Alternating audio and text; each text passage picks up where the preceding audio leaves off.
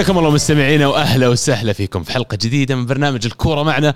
من زمان من زمان ما اجتمعنا خمس أشخاص في نفس الحلقة. اليوم جايبين لكم حلقة دسمة جايبين لكم واحد من كل دوري في ال Premier League جايبين لكم اثنين من قبل الحلقة هم يتهاوشون. يلا سكتناهم.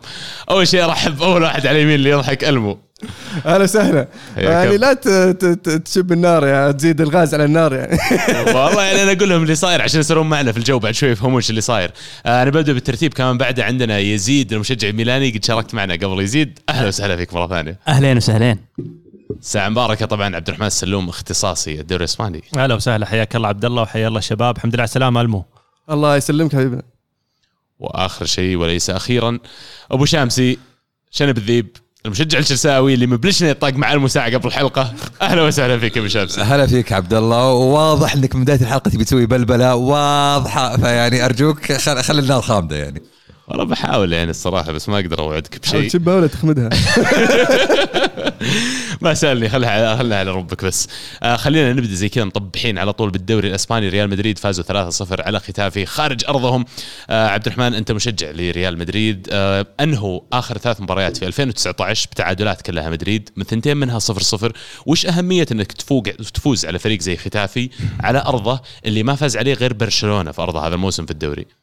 عبد الله طبعا ريال مدريد الموسم هذا كان في رتم تصاعدي من بداية الموسم بدأ يعني مع المدرب آه، زيدان وعناصر جديدة وصغيرة مع عناصر خبرة.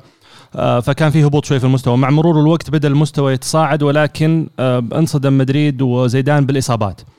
فكانت في إصابات هي اللي يمكن شوي آه، أثرت على على سير ال- الفريق وكانت هي سبب رئيسي في آه، في الثلاث تعادلات الأخيرة. اللي قبل مباراة ختافي.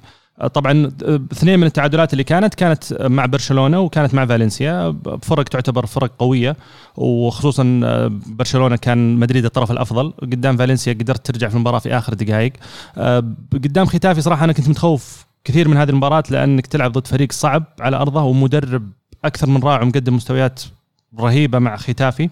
ولكن زيدان على قولتهم قدر يطلع بأقل الأضرار أو زي ما تقول يعني فاز بأقل مجهود وأقل أقل مستوى. فعلا بردالس مرتب فريق يعني يلعب طريقة جسدية ومنظم مرة الفريق فمرة صعب إنك تلعب ضد ختافي. شهادة المدريد انه على الرغم من الغيابات اللي عندهم قدروا يفوزون ثلاثة اثنين منها يعني عن طريق فران اللي تألق مرة في غياب راموس لكن اللي لفت نظري أكثر من أي شيء ثاني ال- العمود الفقري اللي موجود في مدريد خرافي يا أخي للحين. كورتوا فران وكاسميرو وحوش وحوش الثلاثة يعني في, قلب مدريد. لكن بسألك عن فالفيردي تحديدا. آه يعشق هذا اللاعب. ومبلشنا فيه من بداية الموسم يبيه يجي اليونايتد كيف زيدان على الرغم من إنه قاعد يلعب كويس ما يلعبه في المباراة هذه وحتى لما نزل كبديل واضح إنه كان المفروض يبدأ أساسي. بالنسبة لفالفيردي إحنا كنا يعني كجمهور كنا نطلب من زيدان إنه يريحه لأن الفترة الأخيرة بعد عودة مودريتش من الإصابة آه، كان فالفيردي لاعب أساسي في أغلب المباريات. حتى في المباراة اللي قرر إنه يريح فيها كاسميرو كان فالفيردي هو هو اللاعب الأساسي. فبعد العودة من الإجازة وعندك مشاركة في السوبر الإسباني ورجع مودريتش المباراة اللي قبلها واللي واللي قبلها وأدى مستوى نوعا ما جيد ومرتاح أكثر قرر إنه يلعب بثلاثي خلينا نقول الخبرة اللي متعود إنه يلعب فيه. وإذا احتاج فالفيردي خلال مجريات المباراة يشركه وهذا اللي صار. أشرك فالفيردي وساهم بالهدف الثالث وكسب إنه لا رجع مودريتش لل- للجو المباريات وفي نفس الوقت كسب إنه ريح آه فالفيردي. أنا أشوف إن اللي كسبه زيدان أكثر من شيء أي شيء ثاني في المباراة هذه. إنه عرف لما تقابل فريق زي ختافي ناس زي كروس زي إسكو زي بنزيما لما ما يكون اللعب مفتوح راح يعانون كثير إنهم آه، يفرضون أسلوب لعبهم على المباراة. فأتوقع هذا أكبر نقطة يمكن تعلمها زيدان. صحيح صحيح. آه إسبانيول كمان تعادل على أرضه مع برشلونة 2 2 وكذا يكون تعادلوا ريال مدريد وبر- وبرشلونة في صدارة الدوري الإسباني. فرق الأهداف بس برشلونة متقدمين. آه المو سواريز مسجل ست أهداف ومسوي assist لأربع أهداف اللي هي آخر عشر أهداف مسجلها برشلونة. جت المباراة هذه برشلونة ما كانوا يلعبون بالمستوى اللي مطلوب منهم لكن ورونا إنه كيف في لحظات ممكن يشتغل فريق يسجل هدفين ويوريك ليش كان ممكن يعني يحسم هالمباراة لكن وش تحس معنات التعادل هذا بالنسبة لهم؟ بالنسبة ل- لبرشلونة خسارة لكن بالنسبة لإسبانيول آه، فوز آه، عظيم الإسبانيول الأخير في الدوري وبرشلونة المتصدر وتلعب الديربي ديربي برشلونة. آه، طبعا الديربي له حسابات خاصة. آه، تنسى طبعا وين مكانك في الترتيب آه، والأشياء الجانبية وتلعب في الملعب. وأسبانيول صراحة قدم أداء رائع وقدر يتقدم. فالفيردي اللي من أهم خصائصه قراءة ال- ال- المباراة واختيار التبديلات ال- ال- المناسبة. سوى تبديل رائع من أشرك شو اسمه فيدال. فيدال غير اللعب فيدال غير غير لعب برشلونة برشلونة صار أفضل في الشوط الثاني وسواريز قدر يسجل هدف ويصنع ال- الثاني اللي آه، فيدال يسجل. آه، بعدين قل الخبرة في آه، شو اسمه دي, ديونج آم، تلومه. كرتين صفر متتاليين يعني اللاعب يعني أول مرة يلعب ديربي كاتالونيا ديربي برشلونة. فما أتوقع إنه دخل في مخه الأجواء وكيف المباراة راح تكون وقاعد يلعب خارج ملعب برشلونة. فأخذ كرتين صفر متتاليين يعني في أقل من عشر دقائق. وحلو موضوع الهوية هذا اللي تكلمت عنه لأن برشلونة موسم هذا مشكلتهم الأساسية خارج ملعبهم وانت تكلمت عن فالفيردي وتغييره. طيب ما تلوم فالفيردي على أن برشلونة يخسرون نقاط كثير برا ملعبهم؟ أم إلا أكيد. أنا ألومه بعد في في في أنه ما ما سحب شو اسمه ديونج لأن في الفترة هذه ديونج واضح أنه كان آه، في في شوية آه، تسرع وشويه آه، عرفت وش يسمونها؟ اللي رعونه. إي رعونه في, في, التعامل في, دخلاته. ف كان وقت مناسب وأنت متقدم 2-1 إنك تسحبه وتدخل واحد ممكن يهدي اللعب في خط الوسط. آه، لكن ما ما شاف اللي وش ممكن يصير وما توقع أتوقع إن انه ياخذ كرت أحمر. وتغيرت المباراة طبعا. وقدر يجيب في دقيقة 88 أتوقع التعادل الإسبانيول. إي ديونج يعني ال- ال- المباريات اللي قاعد يقدمها الفترة الماضية رائعة أنا أشوف. فصعب شوي إني ألومها الحين بالذات إنه صغير على طرد زي كذا وكلفه مباراة أكيد راح يكون نفسيته تعبانة بعده. آه عبد الله مدرب إسبانيول هو أبيلاردو. طبعا هذه أول مباراة لابيلاردو لاعب سابق ال- ال- البرشلونة وال- وال- والطريف إنه مدرب آه، فالفيردي مدرب برشلونة كان مدرب الإسبانيول وكان لاعب في إسبانيول. فحساب برشلونة قبل المباراة آه، حط حساب الأبيلاردو آه، يعني في إشارة للمباراة هذه. فردوا اسبانيول انهم حطوا آه، فيديو لفالفيردي لما كان يلعب في اسبانيول فالمباراة كانت حامية من قبل. فابيلاردو أعتقد إنه مدرب آه، ممتاز. آه، اسبانيول نجحوا حاليا في اختيار بيلاردو اللي ممكن يساعدهم في إنهم يعني آه، بيساعدهم في النجاة من الهبوط على أقل تقدير هذا الموسم آه، بناء على ما قدمه مع راي آه، فاليكانو في في في فترة سابقة. معلومة أخيرة آه، إنه وولي اللاعب الصيني اللي سجل هدف التعادل على برشلونة هو أول لاعب صيني يسجل في برشلونة في تاريخ جميع المسابقات على مستوى العالم. مو براعين كورة ها ابدا. لا والهدف حلو الصراحة. يعني كنا نشوف أنا ويلمو المباراة آه، آه، الشوط الثاني على الأقل أنا دخلت على المكان اشوفها من الشوط الأول. وكان واضح يعني في آخر مجريات المباراة الضغط اللي كانوا اسبانيول حاطين برشلونة تحته كان واضح إن برشلونة وخاصة فرانك ديونج خلاص يعني ما كان في في في رتم المباراة. وكان ممكن يصير التغيير يعني قبل الطرد. أنا بالنسبة لي هي الطرد نقطة التحول. من بعد الطرد كملوا الضغط إسبانيول وكانت يعني مجرد وقت على بال ما يجيبون التعادل آه، وفعلا جابوه. يعني بنهاية الجولة هذه الآن مدريد وبرشلونة متصدرين بفرق الأهداف. مين ياخذ الدوري؟ مين أقرب للدوري؟ شوف أنا كنت بداية الموسم أتوقع برشلونة لكن آه، حاليا أشوف ريال مدريد الأقرب آه، لأن ريال مدريد قاعد يتحسن تدريجيا في وجهة نظري. برشلونة ما زال متذبذب في بعض الأحيان زي زي أتلتي. ال- ال- العجيب في الجولة هذه إن آه، السوسيداد واشبيليا خسروا. وفالنسيا اللي اللي قاعد ينافسهم على ال- ال- المراكز المركز ال- الرابع على الأقل آه، فاز في في هذه الجولة. ال- وشيء إضافي إن أتلتي فاز. يعني بادي بادي إن شاء الله سنه يعني أفضل بالنسبة لأتلتيكو مدريد. أتلتي أحس سيميوني خلص وقته معهم. والآن هم ينتظرون ال project اللي بيجي بعده بس شكلهم مو بعارفين كيف يتحولون بعد ما صرفوا حول 120 مليون على جواو فيليكس. الماضي. مسوين فريق جديد يعني ف صعب إنك تسوي فريق جديد على أساس إن هذا المدرب اللي اختار اللاعبين ثم تمشيه وتجيب واحد ثاني. good point شباب توقع مدريد ولا برشلونة يحسمها؟ والله أتوقع برشلونة. ليش؟ ما أدري الصراحة. ميسي أتوقع الجواب. ميسي. إي بس إنه يعني حاليا تكلمنا إنه away from home برشلونة مو قاعدين يلعبون كويس وكلنا نعرف إن الفريق اللي يحقق الدوري في نهاية الموسم هو الفريق اللي يعني كان كويس away أكثر من home لأن home الفرق هذول كلهم بشكل عام يلعبون كويس الفرق الكبيرة. بس السالفة برا ملعبك آه والله ما أدري أشوف برشلونة عندهم آه لعيبة خبرة زي سواريز وميسي. هذولا بيساعدون الفريق إنه يحافظ على مستواه إلى نهاية الموسم.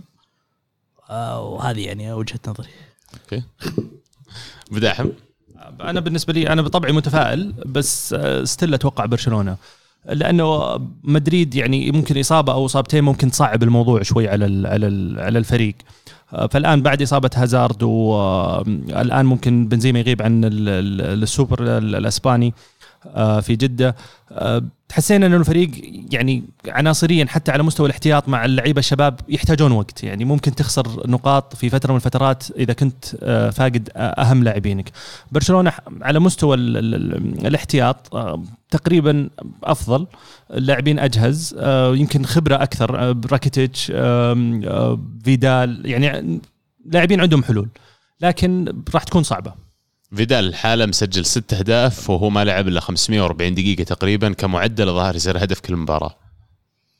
بشامسي من توقع يقرب؟ أنا أشوف كلام عبد الرحمن الصراحه من ذهب. آه، يبقى برشلونة هو الأقرب بالنسبة لي كون عنده عناصر الخبرة وكون فعلا يعني آه، ضياع مثلا آه، أو فقدان بالأصح بنزيما من التشكيلة الأساسية لمدريد بتضرهم بشكل كبير أكبر بكثير من فقدان مثلا ميسي ولا سواريز من تشكيلة برشلونة.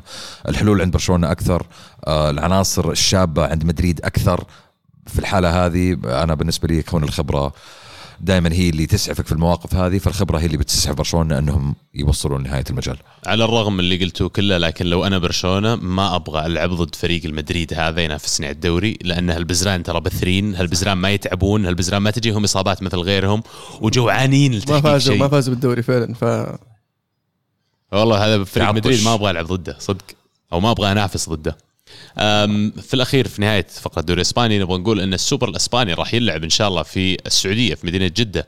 أه، راح يبدأ بشامس يوم الربوع إذا ماني غلطان ولا؟ يوم الربوع إن شاء الله مباراة مدريد وفالنسيا. آه نصف النهائي الأول نصف النهائي الثاني يوم الخميس بين أتلتيكو وبرشلونة.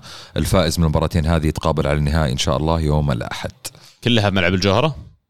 إي. okay. والله. كلام كبير يا حظكم يا أهل جدة. إي والله. وكنا بنروح أنا وياك عبد الله النهائي. كنا كنت والله يا ابو شامسي يعني يوم الأحد والاثنين صعبين شوي بس مرة. لكن نشوف إذا أعطوني إجازة تبشر. أنا إن شاء الله يعني حاجز التذكرة وإن شاء الله إن شاء الله يمدينا نلحق على جدة ونعمل لكم تغطية خاصة من قلب الملعب. دخل اثنين تذكرتك. دخل آه، لا دخل واحد. عندنا بس على طاري البطولة هذه يعني اليوم آه، في حديث في الصحافة الإسبانية عن معدل بيع التذاكر المنخفض من طرف الأندية الإسبانية. تكلم عن أنه مدريد باع فقط 700 تذكرة. طبعا نتكلم عن أنه مدريد باعها بشكل رسمي من النادي. آه، برشلونة فقط 300 تذكرة. فالنسيا 26 تذكرة فقط وأتلتيكو 50 تذكرة فقط.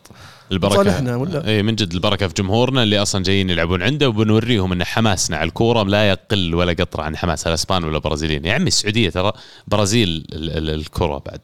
برازيل الكره الآسيوية. صحيح شكرا. نعم. كلام. كبير يا عبد الله. أشكرك يعني وأهنيك على يعني التعزيز الشخصي. طيب نوصل لفقرة البريمير ليج. في البريمير ليج خلونا نبدأ بال يعني كمان الشيء اللي تعودنا عليه. ليفربول يفوز 2-0 على شيفيلد يونايتد. هدف من ماني وهدف من صلاح. إلى الآن ما تعادلوا المباراة واحدة. ما أدري إذا أي منكم بعد شاف مباراة الكاس اللي فازوا فيها بالبزران حقينهم بعد. في هل في شيء يوقف الثقة بالنفس والرغبه في الانتصار اللي موجود عندهم؟ ليفربول وصلوا مرحلة انه يعني صاروا يدخلون المباراه هم واثقين إنهم بيفوزون.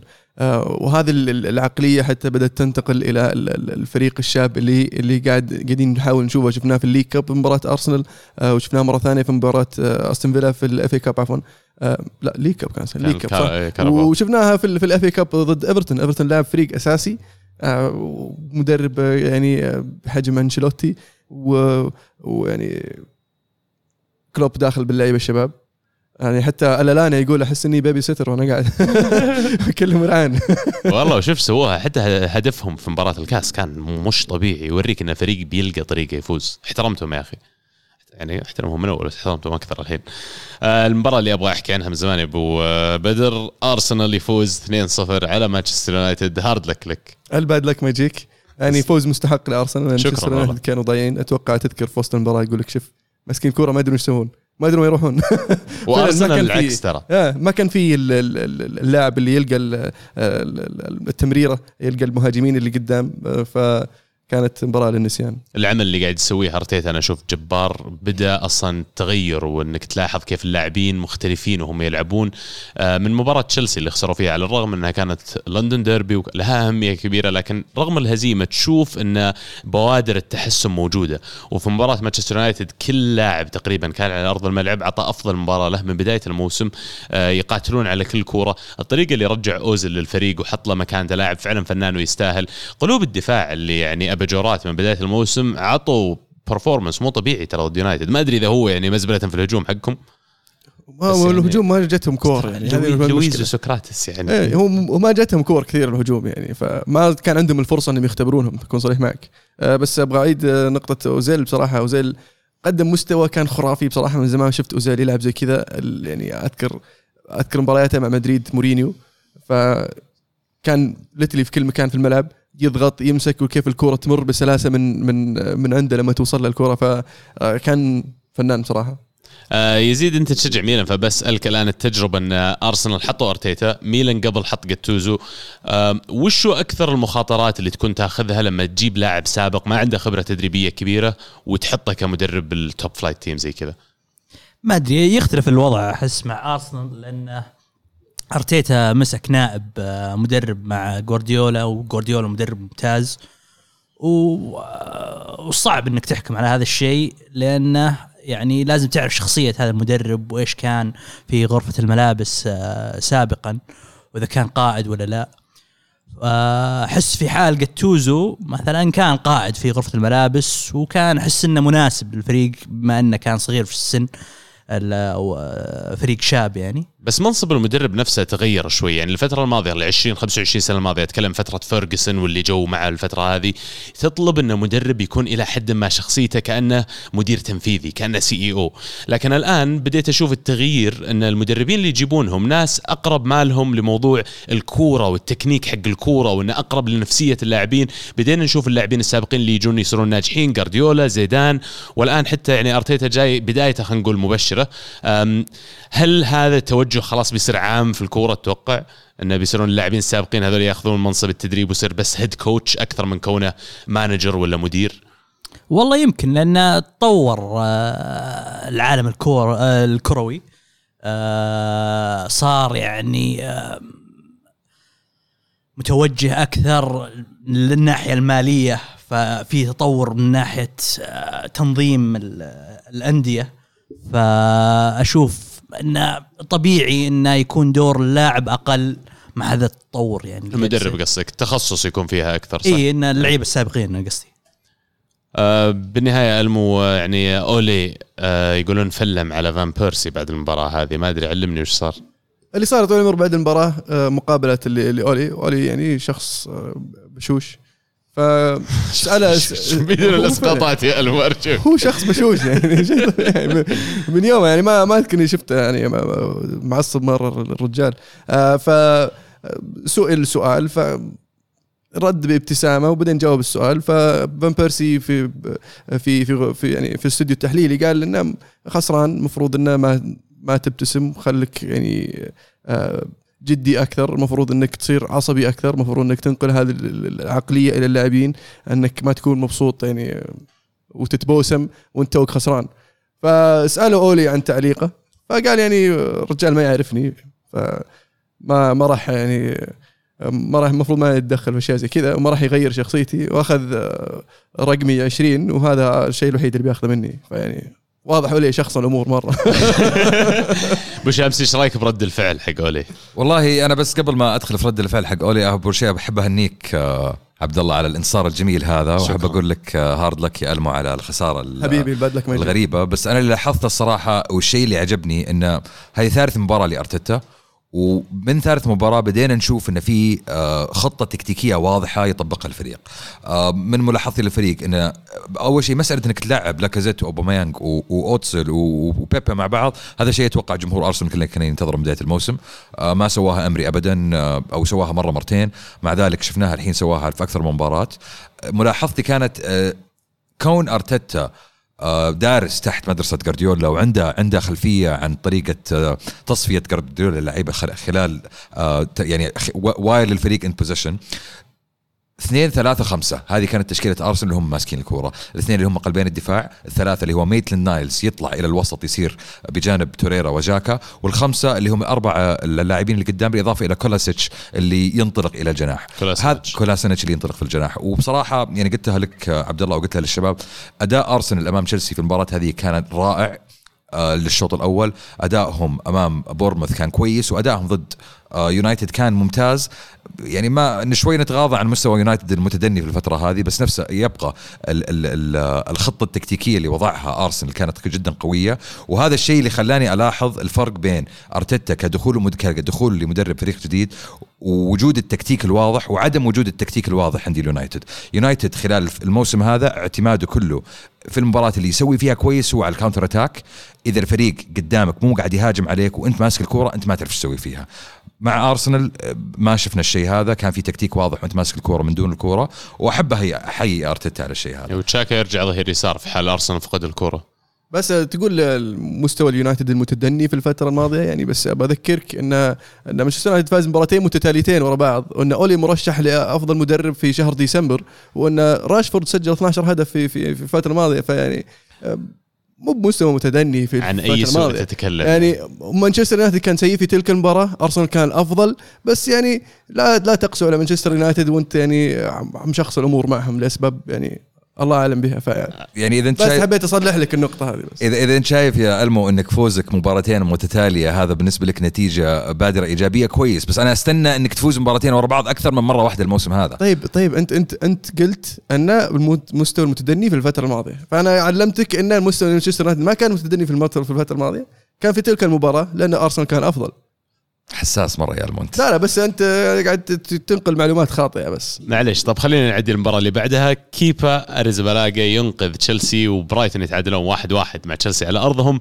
آه ما أدري أقول لك hard luck أبو شامس لأنكم خسرتوا النقطتين ولا بس مبروك لأن بغيتوا تطلعون منها بلا حمص يعني. والله شوف هو فعلا hard luck و...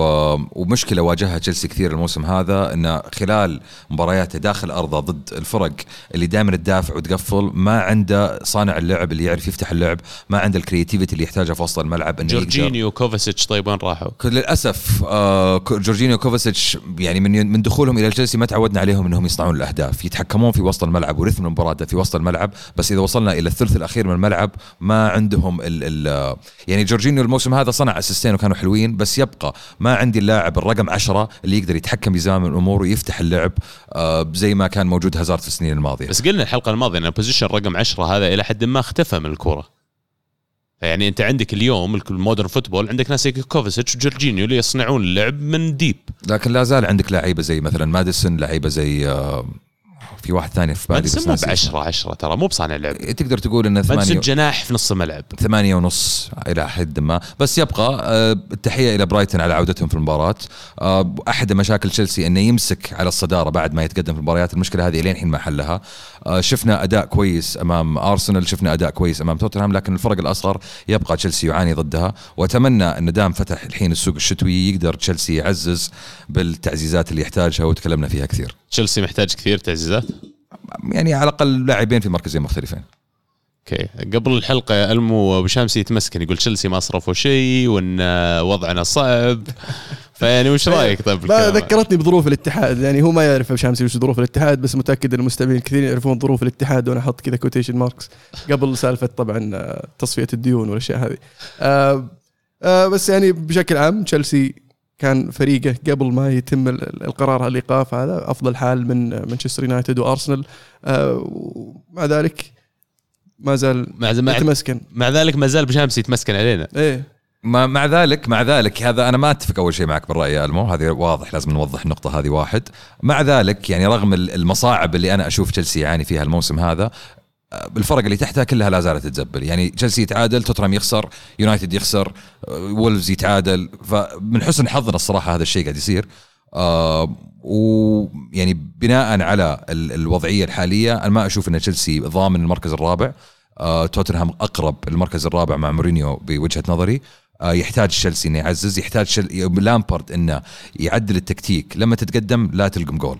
من الأخير. هذا الشيء لازم يحصل. وهذا الشيء يعني ما أتوقع إنه قرار أبو شامسي هو ما وده يلقم جول يعني بس إنه وأكيد التكتيك قاعد يحاول يحط انه ما يلقم جول يحاول بس قاعد يحاول. لم طيب. يستطيع يا يا عبد الله لم يستطيع لم يستطيع. طيب مانشستر سيتي يفوزون 2-1 على إيفرتون. في مباراة يسجل فيها هيسوس جولين. آه هيسوس يعني ومو بس هيسوس هيسوس سالفته هو أجويرو وغارديولا ومو قادر يثبت على اثنين. متى تحسون يجي الوقت اللي هيسوس يبدل بشكل كامل أجويرو ويصير هو المهاجم الأساسي مع مانشستر سيتي لما أجويرو خلاص ما ما عاد يقدر يلعب كورة. لم يطلع من النادي. أحا. جويرو هذا. طيب يمكن يطلع قريب ترى إذا بت- الوضع كذا. مين أجويرو ولا تشيل- جيل؟ لا لا أجويرو. تشيلون مدريد. أجويرو؟ إيه. اي طبعا. تشيل ها؟ أشيل. أي أتوقع أي أحد يشيل. أي. مهاجم. كلكم. تشيلون؟ قاعد يشيل والله. أجويرو. أجويرو. إيه أكيد. أوكي كلنا نشيل. والله شت. أجويرو. ميلان تشيل؟ أكيد نشيل أي احد طيب آه، آخر مباراة عندنا في البريمير ليج اليوم نتكلم عنها. ساوثهامبتون يفوز 1-0 على توتنهام هوتسبير وبداية صعبة لهوزي مورينيو. آه، أصيب كين الآن مدة ست أسابيع تقريبا. يمكن العنصر الأساسي أنا أشوف شخصيا إن مورينيو وافق يجي لسبيرز. وجود واحد زي كين في منص في مركز رأس الحربة لأن كل الفرق حقت مورينيو اللي دربها لازم عنده هذا ال number 9 اللي يقدر يعتمد عليه. وبدونه ما تقلش الخطة أصلا. بيسوي الحين. بيلعب سون ما له إلا سون ولا لوكاس قدام. سون خلص الايقاف حقه؟ لا لسه. فما له لوكاس. مع تشيلسي مع تشيلسي أيام إنه كان هازارد وكذا يلعب كرقم تسعة false nine. كان وقت مورينيو لا لا عملها كم من مرة وما كان ينجح فيها. ما قلشت مع إيه، التكتيك، كانت؟ لا بس هو الموسم الأول يعني كان كان عنده إيتو كان عنده دروجبا وكان عنده دمبابا الموسم الثاني لما جاب دييغو كوستا خلاص ما عاد يحتاج إنه يسوي ذي الحركة. سواها ساري اللي حطه false nine. مورينو أتوقع طالب مهاجم برضو في الشتوية أصلا قبل حتى ما يصاب كين فيعني يا كثر طلباته إيه، طالب مهاجم يعني واضح إنه يعني بيعتمد اعتماد كلي أو أو مقتنع إنه كين ما راح يقدر يعني يعتمد عليه 100% كل مباريات الموسم اللي- المتبقية خصوصا إنه منافس وهم خصوصا إنه. ما عندهم بديل أصلا لا. ما ما في بديل لا هو كان في بديل اللي هو يانسن وبديل فاشل كان جاب لورنتي يورنتي يورنتي اللي ما جددوا لورنتي هو ولا. جاب واحد بدال آه، أتوقع يورنتي اللي ما رضى يجلس ممكن. أتوقع بالنسبة لهم كانوا يبغون يحافظون عليه بس إنه ما مشى الحال. يعني مورينيو المشكلة إنه جاي بفكر مختلف على أساس توتنهام وأتوقع الآن الفترة هذه بإصابة كين راح تبين لنا فعلا قديش تغير ولا تطور مورينيو وتعلم من تجاربه السابقة. لأن في نهاية المطاف هذا تحدي ثاني لازم إنك تعيش معه. سالفة إن سبيرز بيروحون يشترون مهاجم ثاني ب 70 80 مليون في الشتوية ما أتوقع لا لا مو ب 70 يعني ما أتوقع يعدون ال 30 بتجيب؟ 40 يمكن. مين. يجيب 30 آه، على طاري مهاجم آه، بس واحدة من الأخبار اللي كنت أقراها من المهاجمين اللي كان يبحث عنهم فرانك لامبارد يضيفهم لتشيلسي هو جابي جول مهاجم انتر ميلان. وأتوقع انه يعني خيار ممتاز جدا كبديل لتيمي أبراهام. اللي فشل المرة الأولى في أوروبا. تعطونه فرصة ثانية. وفاز ببطولة جنوب أمريكا مصباح. إيه. تجيبه مرة ثانية يعني جرب. تاخذ ال risk. ما يضر. مخاطرة بس كبيرة. هي ترى. مخاطرة. ترى يعني آه، ديفيد مويس يبغى نفس اللاعب فراح تكون منافسة شرسة. أكيد، تشيلسي. وويست هام. وعلى طاري ديفيد مويس يعني بداية موفقة في ال Premier League فوز 4-0 في الدوري و2-0 في الكاس. فيعني آه، الأسطورة. أسطورة. أسطورة. ديفيد مويس يعود إلى يعني بيته ومحله آه في كمان مباريات ال FA Cup ال FA Cup أنا الصراحة زعلان عليه. زعلان عليه لأسباب عدة. ليش يا عبد الله؟ يا أخي والله ودي أسولف وبقول لكم ليش. قول. ال- ال- الإشكاليتي الأساسية أول شيء وجود ال Carabao Cup مع ال FA Cup فأنا لما يكون متحمس تكون عندي بطولة كأس في الدولة وبعدين تجي تحط لي بطولة كأس ثانية كانها تخرب تقسم الاهتمام. الشيء الثاني كان ودي إن ال FA Cup يكون بطولة مختلفة شوي في جوهرها عن البطولات الثانية انه ما يكون فيها سالفة ال replay ما يكون سالفة إذا تعادلنا نقوم نلعب مباراة إياب. يا أخي خلاص تعادلنا 90 دقيقة ألعب بلنتيات لا حتى تحط لي اشواط إضافية. الشيء الثالث والأخير كان ودي إني أشوف ال FA Cup بدون فار. عشان يذكرنا كيف كانت الكورة قبل الفار وما دامك حطيتها في الدوري وفي ال Champions وغيره خلي عندنا ذيك البطولة اللي لما بكرة إن شاء الله يجون عيالنا ونقول لهم أول الكوره ما كان فيها كاميرات زي كذا زي ذا البطولة أختلف معك يا عبد الله بشكل كامل بشكل كامل كامل كل. شيء كل شيء لا شوف واحدة واحدة أعطيك إياها والله خالف تعرف أو نظامك. أول شيء مسألة الفار أنا أول شيء سعدت لي وجود الفار في ال FA Cup تدري ليش؟ لأن التطبيق حق الفار في ال FA مختلف تماما عن تطبيقه في الدوري وشفناها في مباراة آه كريستال بالاس. كان في آه شك في بطاقة حمراء وراح الحكم شاف اللقطة آه من الشاشة اللي موجودة في طرف الملعب ورفع البطاقة الصفراء إلى بطاقة حمراء للاعب آه لوكا ميلوفيتش الظاهر. فهذه النقطة الأولى أن على الأقل يخلي الإنجليز يشوفون كيف أنه ممكن يكون تطبيق الفار مختلف. هذه واحد. اثنين آه كون أن في عندك في إنجلترا بطولتين لل- للكاس ما يختلف عن وجود بطولتين للكاس في فرنسا. فهذا يعني المثال موجود في أكثر من دولة وليس فرنسا فرنسا خياس. top five league يبقى top five league في أوروبا. الاسم. كل كل أحد يعرف إنه الخامس يعني. النقطة الثالثة. يعني النقطة الثالثة كون ال replay موجود ولا زال موجود في ال FA Cup يا أخي أنا أخ أنظر لها مسألة تقليد. ال FA Cup أقدم بطولة كروية في العالم ومن يوم ما بدت ال FA Cup كانت دائما إذا فرق تتعادل وقتها ما كان في بلنتيات أصلا. فوجود ال- ال- ال replay للمباريات يدلك إلى الوقت هذاك القديم اللي كانت كرة القدم أبسط. كان إذا خلص المباراة ما نعرف شو نسوي ما ما في شيء اسمه بلنتيات ما في وقت اضافي خلاص روح بيتكم تعال الأسبوع الجاي نلعب مرة ثانية. بس يا أبو شمس الحين الكرة ما بأبسط. الحين الفريق عنده ب 16 بطولة يشارك فيها. فأنا أبغى أفوز بال FA Cup بس لا تزيد علي مباراة يا أخي. طب يا أنا لسه. عندي ال League Cup ولسه عندي ال Europa League ولسه عندي الدوري. فتكون تزيد لي عليه مباراة وأنا بلعب مع السيتي مباراتين في الشهر مباراتين في الشهر ده. فيعني غير منطقي. طب يا أخي لا تتعادل. أرجع لنقطة الفار. يعني الفار يعني إذا إذا ما منه فايدة ما أشوف اللي المفروض يستخدمونه. بلنتي صحيح على ويليامز ويرجع الفار يتفرج عليه ويشوفه. ويليامز دف الكورة هذا حط رجله كرفع الويليامز ما يحسب بلنتي طيب يعني مشكلتك مش مع الحكم. تحط لي فار طيب إذا أنت بلنتي واضح وصريح تقوم تلغيه وين الحكم؟ نقطة الحكم يروح يشوف البلنتي مع إنه واضح وصريح؟ هذه ما مشكلة شافها. هذه مشكلة الحكم. عندي عندي بديل آه، للريبلاي أبو غير منطقي شمسي بصراحة. بدال الريبلاي أنا ودي أشوف التغيير في الأف كاب يكون إن الفرق اللي مصنفة أقل تلعب home تلعب دائما home. ألين يوصل موضوع ويمبلي يعني كذا أنا شوي خلقت بطولة مختلفة لأن أنا أتوقع بطولات الكأس في جميع الدول اليوم بريقها وأهميتها مو مثل قبل 20 30 سنة. بس تبقى كذا تخسر النتائج اللي تتذكر يعني قبل كم من سنة أم كي دونز يروح الأولد ترافورد يفوز 4-0 هذه النتائج اللي ما. راح الأولد ترافورد أبو شامسي لعبنا في أرضهم لا تقعد تألف. إي بس انه رياض ما الأولد واحدة ترافورد. إنك دائما تشوف ال giant killings هذه في ال FA Cup وما تشوفها في بطولات ثانية. دائما يعني تصير سنة ورا سنة إن فريق مثلا في ال League 1 ولا في ال League 2 يفوز على فريق في ال Championship ولا في ال Premier League أنا ودي لو إنه في ال Championship ولا League 1 مثلا تعطيه أفضلية إنك تحط المباراة على ملعبه فريقين من ال Premier League okay سوي بينهم قرعة. بس بس يعني برضو أحيانا حط نفسك مكان اللاعب هذا اللي في League 1 ولا League 2 تجي الفرصة يلعب في الأولد ترافورد يلعب في الإميريتس صح. يلعب في الأنفيلد. نقطة جيدة. يعني يعني ف- والله صدق. أنا لو لاعب في ال lower league أبي ألعب أي، عندك ما. بلعب ملعب. يا عمي بجيك. وبالنسبة للجمهور المحلي هم اللي. يبغون الفريق يجي بس بالنسبة لي لا لا أنا بروح ألعب الملعب ذاك الخالع. أنا والله ما أدري أشوف ال FA Cup إيجابي جدا الصراحه يعني الفرق ال Premier League لأن تعطي ال- المدرب فرصة إنه يشوف لعيبة مختلفين في الفريق يشوف اللعيبة الشباب يشوف آه، تعطي فرص للعيبة. هذه ال League Cup عادة كانوا يسوونها بس الحين الأندية الكبيرة صاروا يركزون عليها بشكل أكبر فصار ما عندك فرصة تلعب آه، لعيبة شباب إذا تبغى تفوز لازم تلعب أساسي. حتى ال FA Cup ترى ال FA Cup لا ليفربول يوم نزلوا المباراة الماضية منزل كله بزران كله بزران. فاز إي بس منزل كله بزران. بس مو بهذا الشيء يضعف شوي من البطولة إن الفرق القوية قاعدة تلعب تبدل تجرب أشياء. ما لا. أنا أشوف انها يعني قوية لل أو مهمة للفرق الصغيرة. فعلا فرصة أكبر لهم إنهم يفوزون. إي فرصه للفرق الصغير إنهم يعني يتميزون وإنهم على الأقل يلعبون ضد فرق كبيرة. وفرصهم زي ما قلت أحسن لأنه بيلعبون ضد يعني مو الفريق الأساسي. وش ما أدري أشوف إنه شيء جيد أنا بشكل عام يعني. في وجهة نظر عبد الله تقول لك إن يعني نظرتك ل- للدوري للكأس كأس ال FA Cup إنه هو أقل بدأت بسبب مانشستر يونايتد. آه وجهة أوه. النظر هذه تتكلم عن نعود إلى موسم آه اسلم يا أبو شمس. نعود إلى موسم 99 2000 آه كان يونايتد وقتها آه واضح آه صح. حامل اللقب. بداية الحلقة. حامل حامل لقب ال FA Cup وكان بطل إنجلترا وكان بطل أوروبا وكان تم استدعائه للبرازيل ل آه، البطولة لأو- التجريبية عام 2000 عام اللي شارك فيها فريقنا بالضبط. اللي نعرفه. اللي هي بطولة تجريبية عام آه، 2000 اللي هي بطولة كأس العالم للأندية واضطر اليونايتد انه ينسحب من ال FA Cup على أساس أنه يقدر يروح آه، يدخل البطولة هذه في البرازيل. آه، طبعا اسباب انسحاب اليونايتد من البطولة هذه كان أول شيء الاتحاد الكرة رفض إنه يغير جدول مباريات اليونايتد وصار في ضغط على اليونايتد من الحكومة البريطانية لأن كان وقتها الإنجليز يقدمون على كأس العالم مع الفيفا كانوا خايفين الفيفا يزعلون عليهم إذا ما راحوا اليونايتد فقالوا لا لازم تروحون. ف وصارت ضجة كبيرة في إنجلترا السنة هذيك انه كيف حامل اللقب ما يلعب البطولة. ومن بعدها صارت الفرق تنظر إلى ال FA Cup بنظرة أقل شوي. صرنا نشوف الفرق تلعب بتشكيلات اللي اللي ما هي بأساسية دائما تشكيلات الاحتياطية وقل بريق الكأس إلى حد ما. علمك شيء يا الشامسي علمني شيء. إحنا مانشستر يونايتد ما نشوف أحد شيء.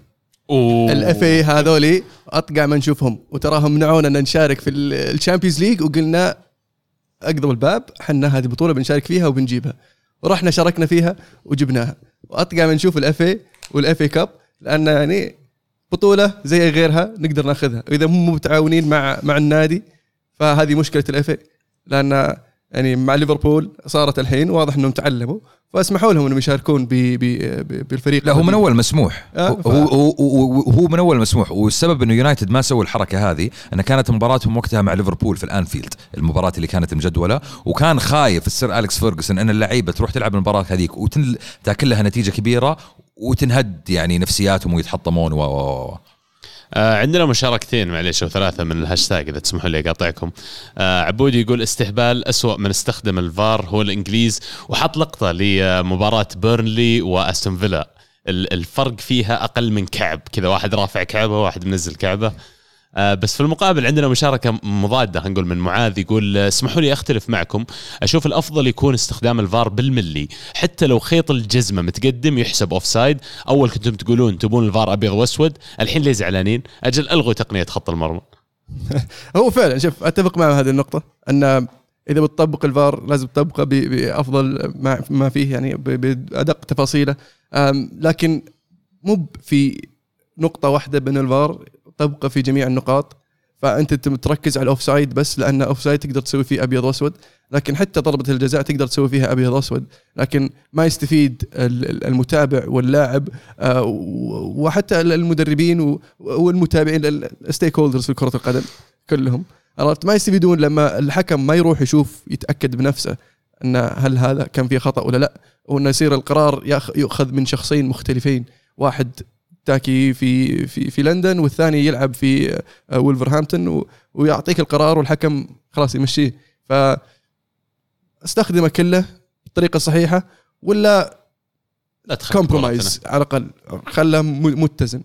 أنا ما أتوقع في فار اسوء من الفار الدوري الإسباني يعني ف الدوري الإنجليزي يعني تراكم بحل عند الدوري الإسباني. معطينك وضعية الشامسي إحنا نصيح عليك تسوي نفس مساكين. لا والله العظيم الدوري الإسباني فعلا فعلا استخدام سيء للفار. يعني المدريد يمكن انحرم من بلنتيين أو ثلاث بلنتيات الموسم هذا ومو بلنتيات يعني دائما أنا أعذر بعض الحكام اللي يصير آه، في حالات يصير فيها تقدير حكم. يعني تقدير حكم يشوف حالة يقول والله هذه حكم يحسبها بلنتي وحكم ما يحسبها بلنتي. لكن في حالات يعني واضحة يعني حتى الحكم ما يتعب نفسه يروح يشوفها. يمكن عشان مباراة مدريد وبرشلونة يمكن شفتوها كلكم يعني إيه. بلنتي آه، لينجليه على فاران هذا أتوقع يعني واضح. اي أحد في الإعادة يعني. يحسبها بلنتي يعني هذه هذه النقطة إن إذا إذا شيء فيه تقدير حكم فإذا اللي قاعد يشوف الفار ما شافه آه، يعني صريح وواضح ويشوف إنه في شك خلاص يقول الحكم أنا أشوف في شك راح شوف أنت هذا قرار أنت تتخذه بس إذا واضح المفروض يقول خلاص واضح بلنتي وقف. هم هم الظاهر أعتقد الحكام الإنجليز والأسبان معتمدين سياسة آه، كسب الوقت. يمشي بسرعة. أي، أوكي يعني يعني- فهو لما يصير شاك يقول لا مو بلنتي فما يعطي. فرصة الحكم يشوفها. إي بالضبط. صار في اثنين ياخذون قرار. لأنه ممكن لو شاف الحكم يقول لك لا بلنتي صحيح. فممكن يشوفها حكم ثاني مو باللي في الملعب يقول لك لا مو بلنتي فهذه إذا الحكم نفسه اللي في الملعب هو اللي يتخذ القرار المفروض لما تصير أنت. شاك تقول له روح شوف. صح اللي هو يتكلم عنها ال consistency في اتخاذ إيه. القرار نفسه. إيه، صحيح. كذا نكون وصلنا لنهاية فقرة ال Premier League ونوصل للدوري الإيطالي. في الدوري الإيطالي بنبدأ أول شيء بفوز اليوفي 4-0 على كاليري. كريستيانو رونالدو يسجل هاتريك. أه، كيف تقييمك للهاتريك يا أبو عبد الله؟ ساري غير الخطة ولعب ديبالا ورونالدو كراس حربة. وهذا شيء جماهير آه، اليوفي من زمان يطالبون فيه. آه، أشوف أنها يعني أخيرا بدأ يغير من آه، قناعاته. من قناعاته. جاه ضغط كبير يعني جماهيري ومن الإعلام إنه يعني يبدأ يغير شيء خصوصا إن الآن يعني آه، حتى مع هذا الفوز متصدر آه، مؤقتا. وإحنا أسبوع ورا أسبوع دائما نتكلم عن ساري وإنه خيار يوفي على تعيين ساري. أبغى أشوف وجهة نظرك كواحد يتابع الدوري الإيطالي يمكن هل هي مخالفة لنا ولا لا لكن إحنا نشوف ساري مو بقد اليوفي. ما لا ما أشوف إن ساري مو بقد اليوفي. يعني مدرب آه، اشتغل كثير على عمره طول عشان ياخذ فرصته في اعلى درجة. نجح مع نابولي نجح أشوف حتى بشكل معين آه، مع تشيلسي. يمكن ما كان أفضل خيار بس ما أقدر أقول إنه ما هو بقد آه، اليوفي. يمكن أخطأ اليوفي انه ترك أليجري يمشي بس ما أشوف إنه أخطأ في ساري بعد ما اتخذ هذا القرار بسألك يا يزيد الحين أنت تبغى- تجيب ال Champions League وجبت رونالدو هل تقيل أليجري وتجيب ساري عشان تجيب الدوري الدوري الابطال؟ أنا زي ما قلت لك أنا أختلف معهم أنهم أصلا شالوا أليجري في البداية بس بعد ما أنهم شالوا أليجري مين كان الأسامي الموجودة اللي واقعيا كانوا بيقدرون يجيبونها يوفي؟ كان في مجموعة أسامي ساري كان من أفضلها. يعني الخيرة كانت إقالة أليجري. إيه، نعم. أنا أشوف انه كان أليجري صحيح. جاهم وقال لهم إن الفريق يحتاج مجموعة جديدة من اللعيبة. في لعيبة قدام و فريق يبغى تنشيط فعلا. إيه يبغى له. تنشيط. واختلفوا هم معاه قالوا لا الفريق وضعه تمام فريق يزيد. اعرف لك فريق كان مدربهم أليجري. كانوا يفوزون بالدوري ويشاركون. ثم قالوا أليجري ومن يومها وهم قاعدين يفحطون؟ والله آه، هو ما طول معنا الصراحة بس هجوم شخصي عليك تحت هذا الحزام بس ما أفهم أفهم وجهة نظرك يعني إن عندك أليجري يعني لا لا ترميه. على طاري والله أنا ما أختلف. ما يا. ليش لا بالعكس مدرب بالصراحه كان رائع. ممتاز. بس يعني طلعته من ميلان تختلف عن طلعته من اليوفي بكثير يعني. يوم طلع من ميلان- ميلان ميلان قسوا عليه. ميلان ش يعني باعوا كل إيه، عناصرهم قسوا عليه. باعوا الفريق ثم يوم آه، واجه صعوبة إنه يسوي اللي سواه الموسم الماضي قالوا أنت زبال وكرشوه. صحيح. فهذا شيء غباء يعني صحيح. آه. ما أقول لك لا بس أعتقد إنه حتى كان صالح الجميع. فريق. ما اعطوا فرصة يعني- يبني فريق طيب. ما ما كان عندهم نية إنهم يسوون مشروع. ليش تقعد واحد أصلا يستاهل إنه يدرب فرق أفضل؟ لما ما عندك أصلا أنت مشروع ولا عندك أي تفكير ولا عندك أي خطة. عاد أنتم الحين على طاري ميلان تعادلوا 0 0 مع سامبدوريا. في أول مباراة رجع فيها زلاتان ولعب في الشوط الثاني كبديل. أنا أشوف واضحه بقى تياغو سيلفا وأبغى أليجري. واضحة يعني. والله ما أتمنى الصراحة. تياغو سيلفا ببلاش في في, في عشان الصيف أكون صريح معك أتمنى والله يرجع تياغو سيلفا وأتمنى أنه يتعزز الفريق بلعيبة فيهم عناصر. يعني لعيبة عندهم خبرة الصراحة وفازوا ولعبوا على مستوى عالي لأن الفريق يحتاج قادة. وحتى على المستوى التدريبي نحتاج واحد يعني الصراحة عنده شخصية وخبرة وناجح بيولي طب بيولي. المدرب مناسب إيه؟ لا والله طبعا بيولي مو بمناسب ما سمعت المواصفات اللي يطالبها هو لا لا مو بمناسب ابدا وحتى جيم باولو أنا أشوف مشروعه. جمبالو ما أعطوه الفرصة الكافية لا أنا أشوف إقالته كانت الصراحه صحيحة بالنسبة لي لأنه كان جاي بمشروع وإنه بيلعب بخطة معينة وبعد أول هزيمة في أول مباراة في الدوري كل الشغل اللي سواه في الصيف تدريب على الخطة هذه كلها رماه ورجع للخطة القديمة. فاهم عليك بس أنا أحس إنه يبي لكم تغيير أشياء كثير مو بس المدرب. أنتم يعني فريقكم مرة انه حاول يسوي project بالفلوس يوم جو شروه الصينيين كان الظاهر. وبعدين ما زبطت ما قلشت والآن أنت متوهق شوي إنك فريقك ما هو ب top four والميزانية تقريبا الرواتب والاشياء اللي قاعد تدفعها على اللاعبين أكبر بكثير من المركز اللي أنت قاعد تخلص فيه. صح بس خفضوا الميزانية كثير هذا الصيف. كل اللي عجبني في هذا الصيف إنهم جابوا لعيبة كلهم يعني ما جابوهم برواتب مرتفعة وما أخطأوا زي زي تعاقدات في العهد الصيني. أشوف هذا شيء إيجابي. وجابوا كم من لاعب صراحة جيد وأعتقد المدرب له دور كبير صدق في نتائج الفريق. لأن أشوف جاتوزو الموسم الماضي فريق أضعف من هذا الفريق وجهة نظري جاب أفضل نتيجة لنا من أليجري اللي قاعدين نتكلم فيه قبل شوي. اي والله صدق. بس إن الطريق قدامكم طويل وال project شكله يبي له شغل فترة طويلة. أنا ما أشوف ميلان يخلص في مراكز Europa League حتى الموسم هذا. والله الطموح أنا بالنسبة لي اللي أشوفه واقعي الآن إنه ال top half table للأسف. والطموح لزلتان زلاتان جاي عارف شو وضع الفريق. وأتوقع بالنسبة له هو يبغى شيء يبغى يكون مهم في الفريق ويبغى يلعب على درجة عالية لسه. لا عنده لا الحين هذا الطموح إنه يلعب أحد أفضل الدوريات في العالم. هذا هدف إبراهيموفيتش ومتعلق أصلا بالنادي من قبل. حتى ما كان قرار طلعته منه هو. كان قرار من. الإدارة. إي بيلعب أساسي طيب؟ والله ما يعتمد عليه الصراحة. حالته البدنية لا الحين مو مبين آه، إيش وضعه بس يوم نزل اليوم من الدكة كان آه، لعب بشكل جيد يعني أفضل من آه، بيونتك. طيب بسألك بحكم معرفتك بجاتوزو الحين ديلورنتس جاب النابولي بدل أنشيلوتي على أساس إنه يساعده يوصل لل top four هل الخيار صحيح؟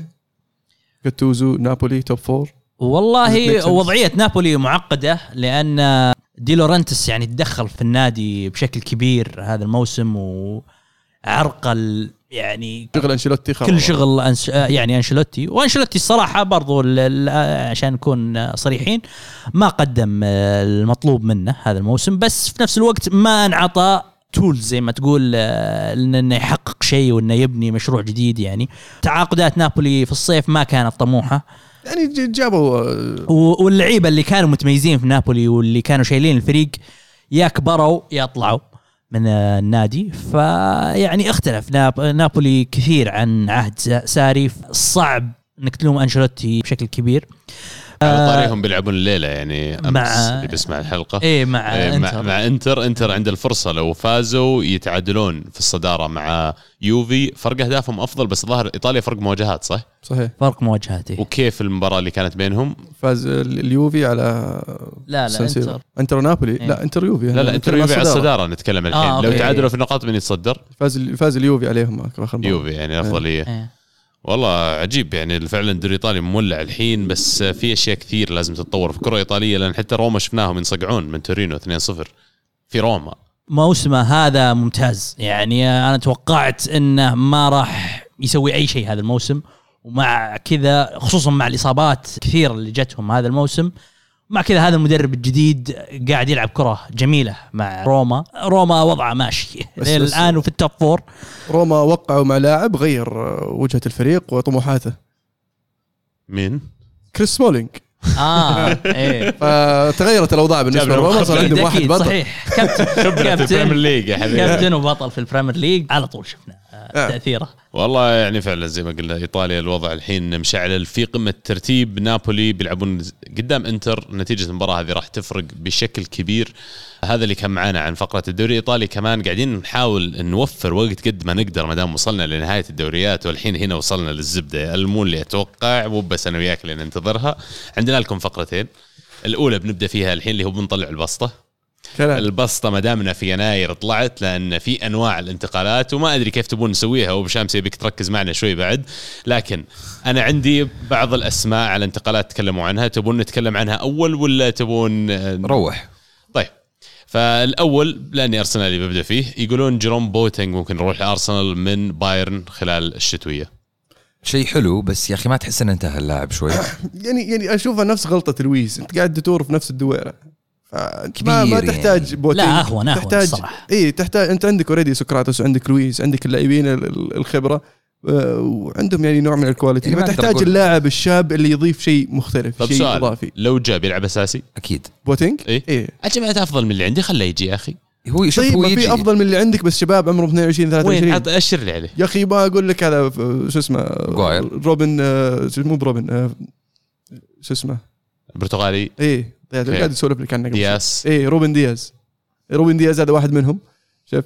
عندك مثلا شاطحين ذولي غالي ما يبيعون لنا ب 100 عندك- مليون شوف لا فيه. عندك طيب حق عندك. عندك حق شو اسمه بلد الوليد آه، محمد آه، لوسيو الظاهر اسمه شيء زي كذا بداحم عندك اسم إي شكله إذا ب- آه، إذا بتختار مثلا من الدوري الإنجليزي نفسه بحكم الأجواء وكذا في كينج حق إيفرتون أتوقع إنه خيار كاحتياط ممتاز أكيد. إذا بتجيب كين، سوري. ايفنز حق كين. حاولنا كين. فيه ايفنز قبل جد. رضى كين. يجي. لا ايفنز لا، كين كين غالي وراتبه عالي لأنه انتقل في وقت سابق لمانشستر يونايتد. لا هو كان مانشستر يونايتد في أكاديمية مانشستر يونايتد. طيب okay فطلع من راتبه عالي. هذا على واحد أنا أعتقد إنه ما يسوى. لو هو يسوى خلوه عندهم يونايتد يا عمي. لا طلع صغير هو. أنا ما كان ودي يطلع بس يعني طلع ما طلع مع البشكه. حقين آه، شو اسمه. وكان يونايتد يبغى يجيبه فعلا ترى. مو أنا أتوقع اختار هو يروح إيفرتون. في مشكلة حاليا ممكن تواجه الأرسنال في الأمور هذه. إنك على قولك المو أنت يعني المفروض إنهم يبحثون عن واحد شاب وصغير ولسه فيه potential أتوقع اللاعب الشاب الصغير اللي عنده potential يعني مع كامل احترامي يا عبد الله ما يفضل إنه يروح الأرسنال يفضل إنه يروح النادي ينافس على مستوى أعلى. لا لا من جد أنا اقولها أقولها وأنا صادق يعني لأني يا أنا حبيبي لا لا يا تراك تطلع التوب فور اللاعبين الحين. غلط. فاهم اللاعبين غلط. لما يصير لاعب يلعب في الدوري الفرنسي الدوري في بلد الوليد بيجي فرصة يلعب مع أرسنال. بالعكس هذه راح تنقله من من مجرد لاعب يلعب مع الدوري ميد تيبل تيم يلعب يلعب مع ذا فريق موست أرسنال. تيم ان لندن يا حبيبي بس أنا قصدي راح ينقل راح ينقلب غير يجي صحيح. الانديه صحيح الكبيره هذه ونص. اللي لا. بس غير كذا غير تبغاه كذا لما يصير عمره 25 غير كذا أنا أقول إن اللاعب هذا عنده فرص أفضل في أندية ثانية تنافس على أشياء أقوى وأتوقع الأندية هذه الأكبر يعني أعطيك المثال أبغى ما مين أبغى دي- ما؟ أبغى أدور أنا في السالفة بس السالفة هذه ذكرت بسالفة هالاند هالاند ليش ليش ما راح اليونايتد تدري ليش ما راح اليونايتد؟ لأنه ما قدموا bid؟ لا لأن اليونايتد أول شيء على كلام اليونايتد إن هم كانوا عندهم اعتراض على دخلة ريولا في في في في الصفقة وعندهم اعتراض على الشروط اللي طلبها ريولا في الصفقة. بس غير ذلك أنا أتوقع بين اللاعب وبين نفسه عارف إن إذا أنا روحتي لدورتموند أفيد لي كلاعب لل development حقي وللتطور حقي من كوني في يونايتد. ليش؟ أنا أتوقع لو كانت العرضين نفس الشيء ما تردد في اختار اليونايتد. أنا أشك لكن شك- أنا بالعكس أهني اليونايتد إنه لما جاء واحد زي هذا يعني أسميه blackmailer ولا واحد يعني يبتز الناس قالوا يا عمي لو معك أفضل لاعب في العالم إحنا ما نبي ما راح نوافق على شروطك أنت أبو شامسي بنفسك اللي ذكرت شروط الحلقة الماضية إذا ما كنت غلطان يوم تقول 20 مليون للنادي 15 مليون لأبوه بس, و10 مليون بس ما لل agent. كان. اعتراض ما كان الاعتراض 10 هنا. مليون لابوه 15 يلا بعد ها. بس الاعتراض ما كان على هذه الاعتراض على أن ريولا طلب آه، نسبة من أي بيعة مستقبلية تدخل له طيب. هذه هذا كان اعتراض طيب، حتى. حتى ال 15 اللي كان طالبها يعني too much بس أنا النقطة هنا وين؟ النقطة أن جاك هالاند لاعب شاب يعني superstar in the making، okay؟ superstar مستقبلي، وجاك اليونايتد وجاك دورتموند، مسألة إنك رحت لدورتموند تدل على أن يونايتد في الفترة الحالية ليست وجهة ليست وجهة attractive يا للعيبة حبيبي الشباب. توك قايل مانشستر يونايتد رفض مطالب ال agent قايل لو مانشستر يونايتد وافق على مطالب ال agent كان جاء اليونايتد بكل بساطة يا أبو شامسي. كان لا لا لا, لا. تحاول تخلق شيء على أساس إنك كان يبقى الخيار للاعب حقتك كان يبقى الخيار للاعب على الفرق اللي قلت لك مفروض إنك ما تحاربها يا أبو شامسي لأن كلنا عارفين لما يرجع يونايتد أرسنال تشيلسي بيرجع مكانه. أنت تحارب أرسنال بس من تالي صار تحارب يونايتد بعد الله يحفظك. حساسين أنتم حساسين لا لا هذا واقع هذا واقع هذا اللي أنت قاعد تسويه. قاعد تحاول تبني أجندة عرفت؟ وجهة وتوجه نظري وأحتفظ فيها. آه، بس أنا أتوقع إنه أرسنال عنده ادفانتج إنه في عنده رؤية واضحة. أتوقع في مشروع واضح مع أرتيتا. يعني أي لاعب صغير أو أي لاعب وده يثبت نفسه أحس إنه ممكن يكون خيار لأنه الفريق واضح إنه عين أرتيتا. كان في خيارات أعتقد كثيرة كان في أليجري كان في أنشيلوتي ممكن قبل لو يبغى مدرب خبرة ويبغى مدرب يمشي الموسم أو يمشي موسمين بعدها. لكن أتوقع إنه اختيار أرتيتا عشان الفريق آه، ناوي يبني مشروع معين. فأي لاعب أتوقع صغير ممكن يكون مغري آه، آه، ممكن يكون أرسنال مغري لل- للاعب انه إنه ينتقل له. اللاعب اللي بعده عندنا أرتور فيدال. أرتور فيدال يقولون مهتم فيه ناديين إنتر ميلان من إيطاليا ومانشستر يونايتد من إنجلند. تشيل ألمو؟ كلام فاضي اهتمام مانشستر والله. آه اي لأن يعني يبغون يرفعون السعر برشلونة لكن عارفين الإنتر ما راح يدفعون فيدخلون اسم مانشستر من تحت. أنت ما ودك يعني. بالعكس لاعب لاعب ممتاز راح راح يفيد اليونايتد وراح يكون لاعب ال- الخبرة اللي نبحث عنه لكن مو اللاعبين اللي أشوفه على المدى البعيد راح يفيد. إذا أبغى لاعب خبرة أبغى لاعب خبرة يقدر آه، يتحكم باللعب. واحد مثل راكيتيتش مثلا واحد مثل كروس مثلا هذا النوع من اللاعبين عرفت؟ مو ب- آه، فيدال لأن طريقة لعب فيدال تحتاج قوة بدنية لياقة عالية واللاعب في نهاية مسيرته وراح يكون الدوري الإنجليزي يعني يتطلب آه، يعني جهود بدنية أكبر من ناحية الركض ومن ناحية الالتحامات. فما راح تكون إضافته زي ما تتخيل. آه الانتقال الثالث اللي بنتكلم عنه جيدن سانشو. الآن تكلمون إن بايرن دخل على خط الصفقة اللي ينافس تشيلسي اللي يبحث عن مهاجمين. طبعا تشيلسي ارتبط اس الاسم هذا بأكثر من مهاجم من ألمانيا تحديدا. فيرنر والآن سانشو. هل تحس يا أبو شامسي إن اهتمام بايرن حقيقي في سانشو؟ وإذا مهتمين فعلا فيه هل كونه إنجليزي راح يعطي تشيلسي أفضلية عن التعاقدات الأول كنا نشوف إن بايرن أي لاعب في ألمانيا يقدر يسحبه؟ وليس مجرد كونه إنجليزي يا عبد الله كونه آه، أول شيء عنده صداقة مع جميع لعيبة الشباب في آه، في تشيلسي كون إنهم يلعبوا مع بعض في تحت ال 17 وتحت ال 19 كون إنه هو أصلا اللاعب مشجع لتشيلسي ممكن تعطي تشيلسي أفضلية. آه، شوف اهتمام بايرن ميونخ أكيد آه، جدي لأنهم شايفين اللاعب هذا قاعد يبدع في المانيا آخر موسمين. بس أنا أحس إن بايرن ميونخ آه، ال- ال- ال- طلعت ريبيري وطلعت روبن غطاها. فمسألة إنه يدخل لسانشو بالنسبة لي شوي غير منطقية، وفي كل الحالتين مسألة إن سانشو يطلع من دورتموند في آه، انتقالات شتوية أشوفها يعني جدا جدا جدا صعبة. غالي مرة. كافاني لأتلتيكو مدريد. حلوة هذه. هذه لو صارت هذه صفقة حلوة. أتوقع إنها قريبة بس مختلفين على ال- على الراتب. يعني آه، أتوقع إنه كافاني خلاص آه، الموضوع قفل مع مع البي اس جي إيكاردي قاعد يقدم مستويات ممتازة وبتوخل قاعد يفضله على على كافاني. ففرصة لكافاني وفرصة لسيميوني يعني من ذهب. سيميوني هذا طفش هذا اللي عنده يعني. بعد. بالضبط. كفاني لا بس لأنه يعني ص- تجيب واحد خبرة، واحد poacher يعني على أعلى المستويات في باعوا دييغو. كوستا؟ لا دييغو كوستا مصاب. مصاب. ومزبل والثاني الأسباني جايبينه. من تشيلسي شو اسمه؟ مراتا مراتا مراتا. هو مراتا اللي يلعب أساسي مع جواو فيليكس إيه، بس. مراتا لاعب دكة يعني ما هو. يعني- لا بس يلعب يلعب كثير أساسي. إيه، يعني. يلعب أساسي لما يصير وراه واحد زي آه، شو اسمه؟ جواو فيليكس. لا. الفترة الماضية. لا لما يلعب أساسي لما يصير وراه واحد زي جريزمان. بس جواو فيليكس ما بعد وصل ال- المستوى جريزمان فيحتاج وقت أكبر. بس بالنسبة للاتلتي صفقة رائعة. هاري وينكس لمانشستر يونايتد. آه الله لا يقوله. هذه مع... هذه معقولة. هذه هو معقولة. لاعب هو نوع اللاعب اللي يحتاجه اليونايتد بالضبط. فعلا. يعني هو لكن- بالضبط نوع اللاعب اللي يحتاجه مو هو. اللاعب اللي اللي, اللي أطمح إليه كمشجع مانشستر يونايتد. لأنه ما هو بسوبر ستار لا لأنه لاعب إصاباته كثير ولاعب آه، آه، ما راح يوصل إلى المستوى اللي أطمح إليه أنا كمانشستر كمشجع مانشستراوي. لاعب جيد راح يكون مفيد في الفترة القليلة الم- القادمة يعني ممكن سنتين قدام بعدين راح أبحث عن واحد أفضل منه. شوف أنا هذه افضل أفضل ان أجيب واحد ممكن يتطور معي ومستواه أفضل زي مثلا روبن نيفز. روبن نيفز عمره 22 داخل 23 هذا quality أفضل ويلعب آه، أكثر مباريات وإصاباته أقل من آه، وينكس. واشوفه بعد خمس سنين يكون مع مانشستر يونايتد بمستوى أفضل من اللي قاعد نشوفه الحين غير هاري وينكس. شوف إذا الموضوع موضوع إصابات حلو بس إذا الموضوع إنه مو ما يست ما ما مستواه ما يرتقي إلى مستوى مانشستر يونايتد هذه ذكرتني بجوردن هندرسون اللي توني توني أمس قاعد أقرأ عنها السالفه جوردن هندرسون يقول لك كان مهتم فيه جدا سير أليكس فيرجسون وكان في نسبة كبيرة إنه كان ممكن يروح يجيبه قبل ما يروح لليفربول لما كان أيام من ساندرلاند. ما جابه تدري ليش؟ يقول لك ركضته غريبة. ركضته غريبة فأنا أنخ... فإحنا نخاف إنه ممكن في المستقبل هذه تسبب له إصابات مزمنة فبالتالي ما. حنجيبه وشوف الحين جوردن هندرسون بطل احتيال. العالم بطل أوروبا. وقريبا بطل إنجلترا نصب احتيال هذا كان تفضيل تفضيل هندرسون إنه ينضم إلى ليفربول وليس ال- الكلام لا الفارغ اللي قاعد هو كلام كلام فيرجسون بنفسه إنه إحنا ما عملنا ال bid عليه بسبب هذا السبب هذا كلام فيرجسون وموجود في الكتاب حقه أرسل لك أرسل لك الرابط ولا تزعل شوف. آه اللاعب البرازيلي المهاجم البرازيلي حق فلامينغو رينير يقولون إنه بينتقل لريال مدريد ومن بين اللي ذكرناهم كلهم قد تكون هذه أقرب صفقة إنها بتصير إيش رأيك فيه بداهم؟ واضح هو اللاعب لعيب فنان لاعب أقرب ماله 9 ونص 10 ويوضح تركيز مدريد الفترة الأخيرة والفترة الجاية على اللاعبين الشباب اللي برازيليين بالذات البرازيليين. ثالث واحد الحين يجي عمره 16 من 17 بالضبط. بالضبط غير قبل مارسيلو لما جاء كاسيميرو لما جاء أنا قاعد أقرأ حتى قيمة انتقال كاسيميرو كانت ولا شيء 15 أو أو 20 مليون والآن أتوقع قيمته يمكن تعدت 80 أو 90 بس رودريجو غالي يوم يجيبونه رودريجو. طبعا رودريجو 45 مليون. اي وحتى آه، فينيسيوس كان أتوقع فوق ال ال- فينيسيوس 60 أرخص شوي منه بس. رودريجو كان أغلى واحد من اللي جابوهم عموما التركيز على هذا الشباب ممكن يكون إيجابي إلى حد ما بس لازم يصير فيه لاعبين خبرة بالفريق آه، عشان على قولتهم يمتزجون ويساعدون الفريق إنه آه، ويساعدون اللعيبة الشباب خصوصا إنه يطلع يطلعون بهذه الصورة. عندي لك اللاعب اللي تدور عليه من هو بس؟ قل لي. بول بوجبا. لا لا ما بيصير زي الجل اللي يركب الفريق كله مع بعض. والله مع بعد فالفيردي والله ما بوجبا خلاص. اي فالفيردي وبوجبا معهم كاسيميرو. لا, بنرجع سيبايوس وخلاص مودريتش. سيبايوس عطى ذول ياخذ فلوسه. لا لا. لا إحنا ما نبي خلاص خلص عقده ويمشي. لاعبين بعد اثنين بتكلم عنهم ممكن يطلعون من أرسنال اللي هم تشاكي ومست... تشاكا ومستافي.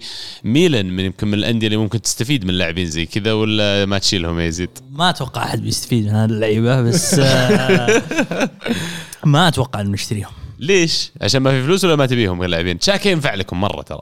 هو والله ما ينفع لأحد بس آه، أتوقع يعني بن ناصر أفضل. لا لا بالناصر أفضل بمراحل. ما تحتاج شاكر. عاد يزيد من الصيف وهو يتغنى بناصر اللي جاهم. إي والله لاعب ممتاز. أفضل لاعب. أمم أفريقيا. مم. قالش ولا لسه؟ والله قاعد يلعب. آه بدأ الموسم ما كان آه مرة ممتاز بس آه آه، مستوياته يعني صراحة ممتازة آخر كم مباراة. اللاعب الأخير اللي أبغى أحكي عنه اللي هو اليوم بدأت تطلع الأخبار ويبدو لي انها أخبار حقيقي حقيقية يقولون توماس ليمار ممكن يطلع من أتلتيكو مدريد ويقولون أكثر ناديين مهتمين حاليا سبيرز وأرسنال. وأتوقع هذه صفقة جيدة للناديين لسبيرز ولأرسنال. اللاعب هذا يعني للأسف في أتلتيكو ما شفناه وصل المستويات اللي شفناها في آه، في موناكو. آه، يعني تقدر تقول سنة سنتين من الضياع إلى حد ما في أتلتيكو ويحتاج التغيير. وشفناه في موناكو اللاعب موهوب اللاعب كويس اللاعب صغير. يقدر يسوي أشياء كويسة مع الفريقين. ثاني مرة مع أتلتي وأبغى أعرف ليش يا أخي. أتلتي جابوا كراسكو من الدوري الفرنسي المرة الأولى ومن موناكو تحديدا وصار معه اللي صار آخر شيء راح الصين. الآن مرة ثانية ليمار هل في ترند قاعد يصير؟ أتوقع أتلتي مو من يعني مو بسهل إنك تتأقلم كلاعب لطريقة لعب الأتلتي وال style اللعب وخاصة لسيميوني لسيميوني مدرب جدا قاسي ويعني دائما تسمع اللعيبة يقولون إن سيميوني يصقلهم بطريقة معينة فممكن إنه ما تعود على الدوري ممكن إنه ما تعود على المدرب أو الفريق بس يبقى اللاعب إضافة ل يعني أي فريق ثاني. طيب كذا نكون يعني تقريبا عزلنا على صفقة انتقالات أو بسطة بس انتقالات بس يعني أبغى أكمل النقاش حق بول بوجبا يعني. انه إي مسلوم موجود لا لا، الحين اليوفي يقولون خلاص طل- طلعنا من الموضوع يوفي ما يدفعون اسمع لا اسمع. رابيو ما مع اسمع- اسمعني اسمعني اسمعني. العرض العرض راح يكون يعني طيب شفت شلون؟ أقول لك يعني هو ب 150 بوجبا شفت شلون؟ فعشان نسوي لكم خصم ويصير يلقى مكانه ب- ب- بسهولة ويخفف صداع زيدان عرفت؟ فنشيل الكروس من الصورة إيش رأيك؟ ونسوي لكم خصم أعطونا كروس ويلا شلة ب 90 يلا كم كروس 60 يعني ها؟ لا يا أخي لا لا الكروس هذا أساسا العشرة راس والمعرفه راس. براس لا لا بت... لا، لا، كروس راس براس، و90 دعوة. كروس 90 مليون إيه كروسو تبي دراهم بعد ولا بعد أنا بجيب لك واحد يفوزك بالشامبيونز ليج ثلاث لا، مرات ورا بعض. غير منطقي يعني غير منطقي يعني يمكن منطقية أكثر لو يعطيك كروس وفالفيردي مثلا وتعطيه بوجبا. ها أشيل إيه تم. يعني أشوف ان لا. راس براس اثنين. هم وأعطيك بوجبا. لا. بدون فلوس. ولا أنت كاتب مشكلتك 90 مليون شلناها عشان منطقي الرجال؟ لا حطينا لا فالفيردي فالفيردي يعني قيمناه ب 90 الحين يلا. لن. أقبل. ما في. والله والله مرة ذولي صعبين حق مدريد والله مشكلة. الحين نوصل لفقرة كنا موعدين فيكم موعدينكم فيها الأسبوع الماضي على أجمل اللقطات وأجمل اللحظات اللي كنت تتذكرها خلال العقد الماضي. ما دامنا إحنا في أول حلقة في 2020 آه، أبغى أتكلم عن أك أهم الذكريات اللي رسخت في مخك من العقد الماضي. وإذا تسمحوا لي أبدأ بأول واحدة. أجويرو لما سجل هدف الفوز بالدوري لمانشستر سيتي الظاهر كان 2013 المو 2012 2012 2012 اللحظة هذيك في آخر يمكن دقيقة من الدوري كله انتهت مباراة مانشستر يونايتد وكانوا ينتظرون تعثر السيتي والسيتي كانوا فعلا متعادلين لكن اللقطة الشهيرة اللي اجويرو يرفع رجله بيشوت وما يشوت يرفع رجله بيشوت وما يشوت والثالثة ما دلت غير الباب. ولا لين الحين يا أخي صوت المعلق مهما كان بالعربي والانجليزي يرن في مخك. يعني أنا ما انساها يا رب آه، اللي طلعت من قلب في اللحظة ذي العتيبي كان. وفعلا يعني لحظة قشعرة. قشعرة لما شفتها تصير قدامك live ما دامنا عندك أعطينا لحظة رسخت في بالك يا أبو شامسي من العقد الماضي آخ هدف راميريز آه في semi final برشلونة. النقشة. آه، النقشة يلعب يا إلهي. أنا ما في حياتي يا عبد الله شعرت الشعور هذا في مباراة كرة قدم اللي لما شفت الهدف يدخل واستوعبت إن الهدف يدخل فعلا فقدت صوابي للحظات. ما قدرت أستوعب إيش اللي يصير قعدت أصارخ وأنا في الشقة. اتذكر ظاهر أنا كنت موجود معي وقتها. آه ومهما كان تبقى هذيك اللحظة هي اللحظة ال- ال- الجميلة جدا أجمل من لحظة فرناندو توريس بمراحل. تذكرت سالفة آه، ما أنتم فايزين تذكر؟ ما أنتم فايزين إيه، يقول لك تبي تفوز بالكامب نو انت فايز وط- وطلعت متاهل ما فزت بس فزت، تأهلت. لا، ما الحمد. لله. بدا الحين في شيء عالق في راسك من إيه، أتوقع الواضحه لاي مدريدي الهدف في راموس العاشرة على أتلتيكو مدريد. التعادل دقيقة ها؟ 93 هدف التعادل. هذا كان يعني آه، بصيص الأمل اللي اللي خلانا يعني نستوعب إنه آه، جت ال- ال- ال- ال- البطولة. فهذا الهدف أنا أذكر كنت آه، ما أدري إيش سويت. والله صدق ما تشقلبت ما أدري ما ما أدري. كان كان صراحة من أجمل اللحظات الكروية. وكانت هي لحظة عودة ريال مدريد لمنصات ال Champions League بعد غياب طويل. يعني أتذكر أنا في بداية الألفية يمكن هذه يوم كان ليون مثلا مستقعد ريال مدريد. شوف طلعنا من دور الفرق 16 كل سنة عرفت؟ آه لحظة ثانية يمكن أن ترسخ في بالي عودة ليفربول في ال Champions League الريمونتادا التاريخية يعني ولحظة تحديدا ألكسندر أرنولد وهو ياخذ ال corner بسرعة وأوريجي يسجل جول. ما أتخيل الشعور لمشجع ليفربول وهو يشوف اللقطة هذه. لا خلال آخر سنتين ثلاثة كثيرة اللقطات هذه ريمونتادا برشلونة على باريس. على باريس الستة واحد عودة آه، توتنهام قدام آياكس في آخر روما على ثواني برشلونة. روما مانولاس. أنا ذكرتني عبد الرحمن برضو بلحظة دروجبا الهدف التعادل اللي جابه في نهائي ال Champions League امام بايرن ميونخ. أتذكر في اللحظة هذيك يعني من من من من, من الصدمة اللي كنت عايشها ما قدرت إنه يصير في عندي رد فعل. تجمدت لي فترة خمس دقائق والعيال يصرخون حولي. وأنت كنت واحد منهم بعد يلمو فهذه برضو من اللحظات اللي اللي فعلا ترسخ في التاريخ. وما أقدر أنسى خسارة برازيل أمام ألمانيا في كأس العالم 7-1 لأول مرة في مباراة كرة قدم أنا ما أستوعب إيش قاعد يصير في قدامي البرازيل. ما أستوعب إنه قاعد يأكلون ثلاثة. أوكي صارت أربعة. طب صارت خمسة. طب دي لسه الشوط الأول باقي نص ساعة نص ساعة من الشوط الأول بس. واستمرت على ذلك فأتذكر هذه من اللحظات اللي فعلا ما أنساها. فعلا في في ال- ال- ال- ال double kick حق روني في ديربي مانشستر كان الهدف هدف الفوز آم، هدف فان بيرسي. Flying Dutch في كأس العالم. وهدف فان بيرسي. يحلق في الهواء فان بيرسي كورة. فوق. وفي في يعني إذا تذكرون 2000 2010 في كأس العالم كان في ترى أهداف خرافية. آه، هدف فان. برونكهورست آه، فورلان وش اسمه خاميس تشا- تشابالالا ما أدري شو خاميس 2014 آه اللي سجل الهدف الأول جنوب أفريقيا. جنوب أفريقيا. برضه. كانت تشابالالا كانت تسديدات كلها خرافية قوية بصراحة. لمسة يد سواريز برضه اي. إيه، صحيح صد ال- الهدف ال quarter final. إيه. هذيك البطولة اللي كانت الكرة تلعب فيها صح؟ إيه، أول كرة خفيفة خفيفة. مرة يا استهبال على طاري لمسة يد آه، حقت بالوتيلي ما أنسى برضو آه، مباراة آه، سواريز. سواريز ما أنسى بالوتيلي مباراة إيطاليا في ال semi final الظاهر في اليورو كانت أمام إنجلترا اللي انتهت بنتيجة 2-0 أتذكر لقطة بالوتيلي آه ألمانيا ألمانيا سوبرمان، إيه. أيوه الالماني اللي, يفسخ 2012. التيشيرت ويعطيك العضلات بالوتيلي آه. راحوا قابلوا إسبانيا جلدوهم أربعة. وهذيك برضو وهذيك برضو الأربعة ما تنسى إنه وصلت لمرحلة إن أك... إن كاسياس بنفسه يلوح للعيبه مدري لعيبه إسبانيا إنه خلاص هدوا هدوا خلاص 4-0 الحمد لله نعم. مبسوطين ما يحتاج إنه نجلدهم زيادة. أعطينا أنت من عندك عبد الله لحظات آه، تاريخية لا تنسى. والله من أكثر اللحظات فعلا بعد هدف فان بيرسي اللي تكلم عنه ألمو. في أشياء كثيرة أنا بالنسبة لي يمكن من اللحظات الحزينة ما دام كلها ذكرنا لحظات يعني سعيدة اللي هو انتهاء عقد آه، فينجر أو ال age of فينجر انتهى. بالنسبة. لي إيه، سير أليكس أنت بالنسبة لك يعني كلها أشياء قاعدين حزينة صارت. يعتزلون يا عمي أكثر من هذول كلهم كمان اعتزال بيرلو لأن بالنسبة لي وقد تكلمنا عنها في إحدى الحلقات بعد اعتزال بيرلو بيرلو الفنان ال artist ما عاد في مجال في كرة القدم الحديثة إنها تنجب لاعبين مثل كذا لأن لها اعتبارات جسدية كبيرة اللعبة بالذات في الفئات السنية اللي اصغر لأن ال- ال game صارت intense صار يتطلب منها مجهود بدني عالي فما عاد في فرصة إنك يطلعون لك ناس زي تشافي ولا بيرلو اللي يلعب على الواقف. اي وال impact حقه وهو على الواقف ما يحتاج إنه يركض. بكل برود. نسيت هدف جودزي.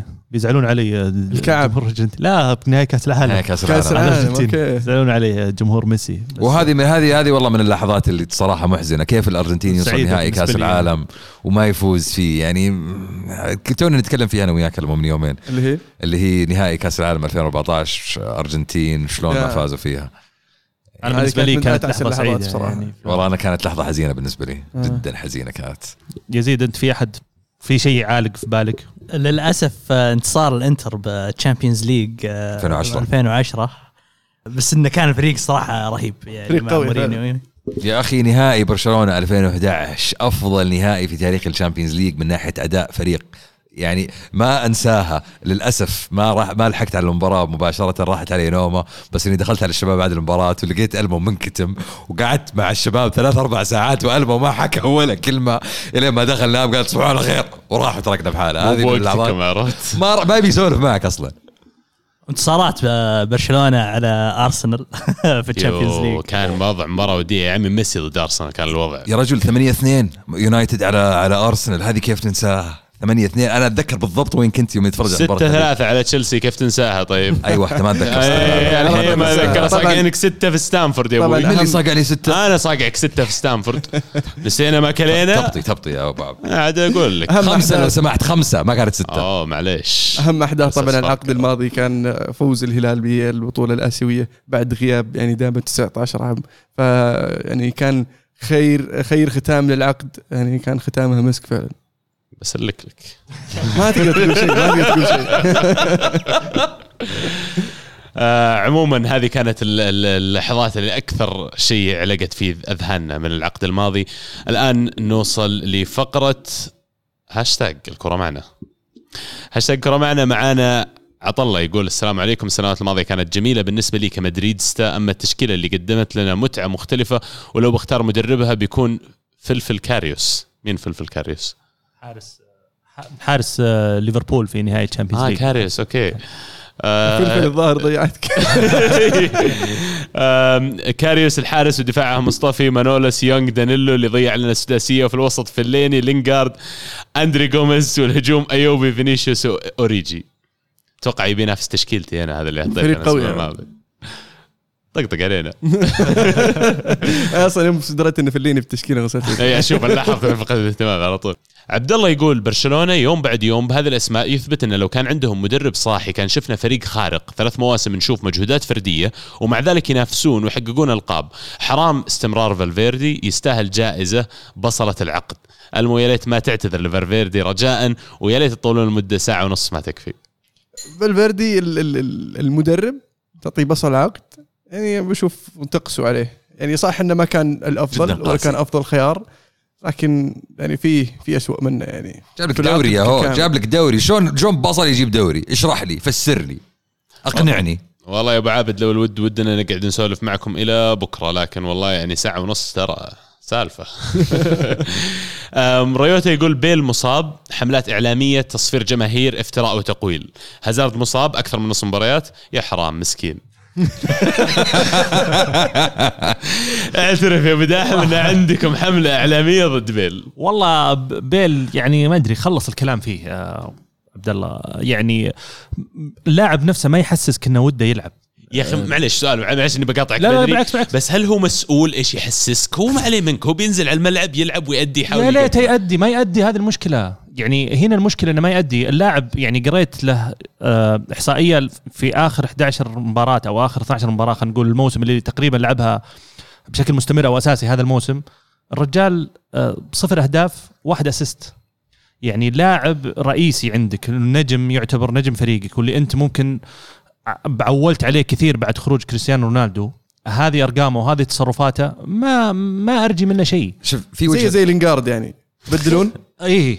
بدلون إيه، لا بدلون إيه، إيه، إيه، لا راس براس. إيه؟ إيه؟ أبدل إيه؟ شيل لينجارد لا، لا، راس براس. لا، لا. آه يعني فوقها شوي. أسطورة بريمير ليج أسطورة ما عندي مشكلة والله ما يعني أي أحد حاليا. إنيستا إنيستا الإنجليزي يسمونه. تقريبا. طب في وجهة نظر عبد الرحمن. تقول لك إن بيل ممكن المشكلة اللي واجهها في مدريد إن كونه يوم كان في توتنهام كان الفريق إلى حد ما في آخر سنتين مبني حوله. كان هو القلب الفريق هو ال ال ال الرقم عشرة هو اللي يركض هو اللي يرجع هو اللي يسوي. في مدريد جاء كان يعني supporting act كان sidekick لكريستيانو رونالدو. طلع كريستيانو رونالدو توقعنا إنه هو يصبح ال- السوبر ستار في الفريق. ولا صار. ولا صار. بس ولا صار ليش؟ هل. بيكون بسبب اللاعب ولا بسبب الإدارة هذا ولا خيار بسبب تكتيكي لأن أنت كمدرب بالضبط. تقدر إنك تختار بيل يكون هو مركز الفريق تبني عليه بس رحت جبت هازارد هذا هو هذا اللي بقوله إنك لا. أنت كان عندك الفرصة إنك ترجع تبني الفريق حول بيل بس إنك اخترت إنك ما تسوي شيء هذا. تمشكلوا مع بيل بعد بنطلعك من. مطلعينك بنطلعك من مطلعينك تخيل حط نفسك مكانه إحنا لم يعني لما نتكلم عن بيل ما نتكلم عليه ترى بس الموسم اللي راح أو الموسم قبل اللي راح نتكلم عليه من أول ما جاء اللاعب يعني ما حسسني إنه ممكن حتى هو يصير بديل لكريستيانو رونالدو آه مستحيل ساهم لا عبد الرحمن. ساهم اسهامات في أوقات كثيرة يعني كان سجل الهدف حق آه، برشلونة نهائي الكاس آه ممكن هدف الدبل كيك على ليفربول في النهائي بس أنت لما تتكلم أو على لما في النهائي. على اتلتيكو في, في هذا لما تتكلم عن عن بيل كلاعب أنت جبته المفروض إنه يكون هو سوبر ستار واعتبرته ثاني لاعب بعد كريستيانو رونالدو في ال- في الفريق هنا هنا تكمن الصعوبة هنا هنا تجي تجي المقارنة يا أخي بس في لعيبة ما يقدرون يكونوا ثاني لاعب في الفريق يا أخي شفنا طب ليش ليش أنت. طب هنا أنت مشكلتك أنت كلاعب ليش ليش قبلت من الأول إنك تجي؟ صعب إنك تقول واحد. شلون يعني كيف قبلت أنت كيف جيتني قبلت؟ قدمت لي عرض خرافي وقدمت بعدين تقول لي ليش تجي إيه هل ريال مدريد هو الوحيد اللي كان مقدم عرض البيل ويعتبر مغري في هذاك الوقت؟ يعني مانشستر يونايتد كانوا مقدمين في نفس الوقت. بس معليش أنا بالنسبة لي لا كان واضح مشروع ريال مدريد. مو بواضح مشروع مانشستر يونايتد. وعلى فكرة مساهمة بيل أنا بالنسبة لي في الأربعة Champions League اللي جابها ريال مدريد كبيرة مرة. البطولة صحيح. كلها ولا في مباراه أنا- مباراتين؟ أنا أعتقد- على مستوى البطولة كاملة. أنا أعتقد سواء لعب ولا لا وجود بيل يتدرب معي في الفريق يدفع اللاعبين الثانيين انهم يرفعون مستواهم. فوجود بيل كان يعني محوري جدا في تحقيق البطولات. صحيح. فليش تجحدونها الحين؟ لا لا أنا قلت لك تو قلت لك هو ساهم إسهامات كبيرة في في في بعض البطولات تسجيل هدف في نهائي تسجيل هدف في نص أو في نهائي. لكن لو تتكلم على مسيرة بيل كاملة مسيرة بيل كاملة مع مدريد ما يعني ما أدري ما أدري شلون ما أنتم ما احس تدرون إيش تبون يا المدريد لا والله يا أخي. لا والله. يعني شوف رودريجو بدع إحنا إحنا على طول نرضى.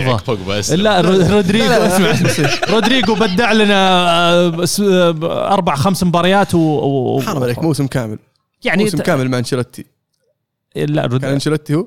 قصدك بيل يعني؟ لا رودريجيز الموسم لا لا رودريجو رودريجو آه، البرازيلي رودريجو، الحالي أوكي. الآن. حسب خميس. لا شوف أنا أنا بوجهة نظري الصراحة والمتواضعة جدا أن جمهور مدريد طماع جمهور مدريد دائما ما يرضى به مهما كان الشيء اللي عنده كويس. جمهور مدريد صفر لكريستيانو في أكثر من موقف.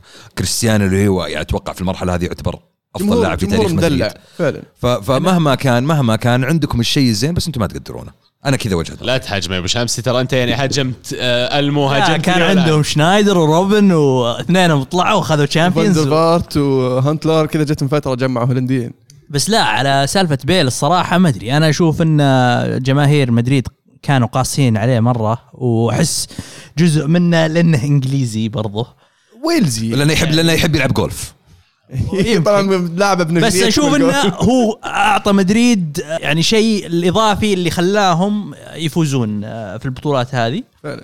يعني الحل الحل إنك تفسخ عقده يا أخي أفسخ عقده وخذ بوجبا. الله يجزاه خير كريستيانو رونالدو والله والله. لو يعني لو لو الله ثم كريستيانو رونالدو والله ما نحس بأي لاعب مع احترامي لبيل ولا اي لاعب غير بيل وهذه المشكلة يا أخي انه كان عندك واحد زي كريستيانو هذا لاعب يجيك مرة في 100 سنة يعني بس بذكرك- بذكرك- هو ميسي في 100 سنة ما ما ش- مو بشيء تعتمد عليه إنه والله خلاص اللاعب هذا اللي بيصير عندي باقي الحياة لا, لا أنت تبني حول أكثر من مجرد. بذكرك من وين. شريت كريستيانو رونالدو بس بس قفل السالفة زين. تبغى واحد زي عندنا ترى. آه بدر الناصر يقول سؤال لكم يا حلوين. هل ريال مدريد محتاج بوجبا بوجود فالفيردي؟ أتوقع مهند موافق. وهل المفروض يشترون مهاجم في الشتوية؟ يعني أنا أشوف إنه يحتاجون آه، بديل لبنزيما. آه، محتاجين مهاجم. عندهم يوفيتش. يوفيتش. عندهم يوفيتش. بس آه، يوفيتش فرصه حرام. أنا أعتقد إنه إعطاء فرصة ليوفيتش هي أنسب شيء ما إيه، نحتاج توك مهاجم. جايبة يعني لسه ما مداك وبوجبا فالفيردي؟ إيه أكيد يعني. إذا بتدخل بالفيردي بنسوي لك خصم ونسرع الصفقة. لا.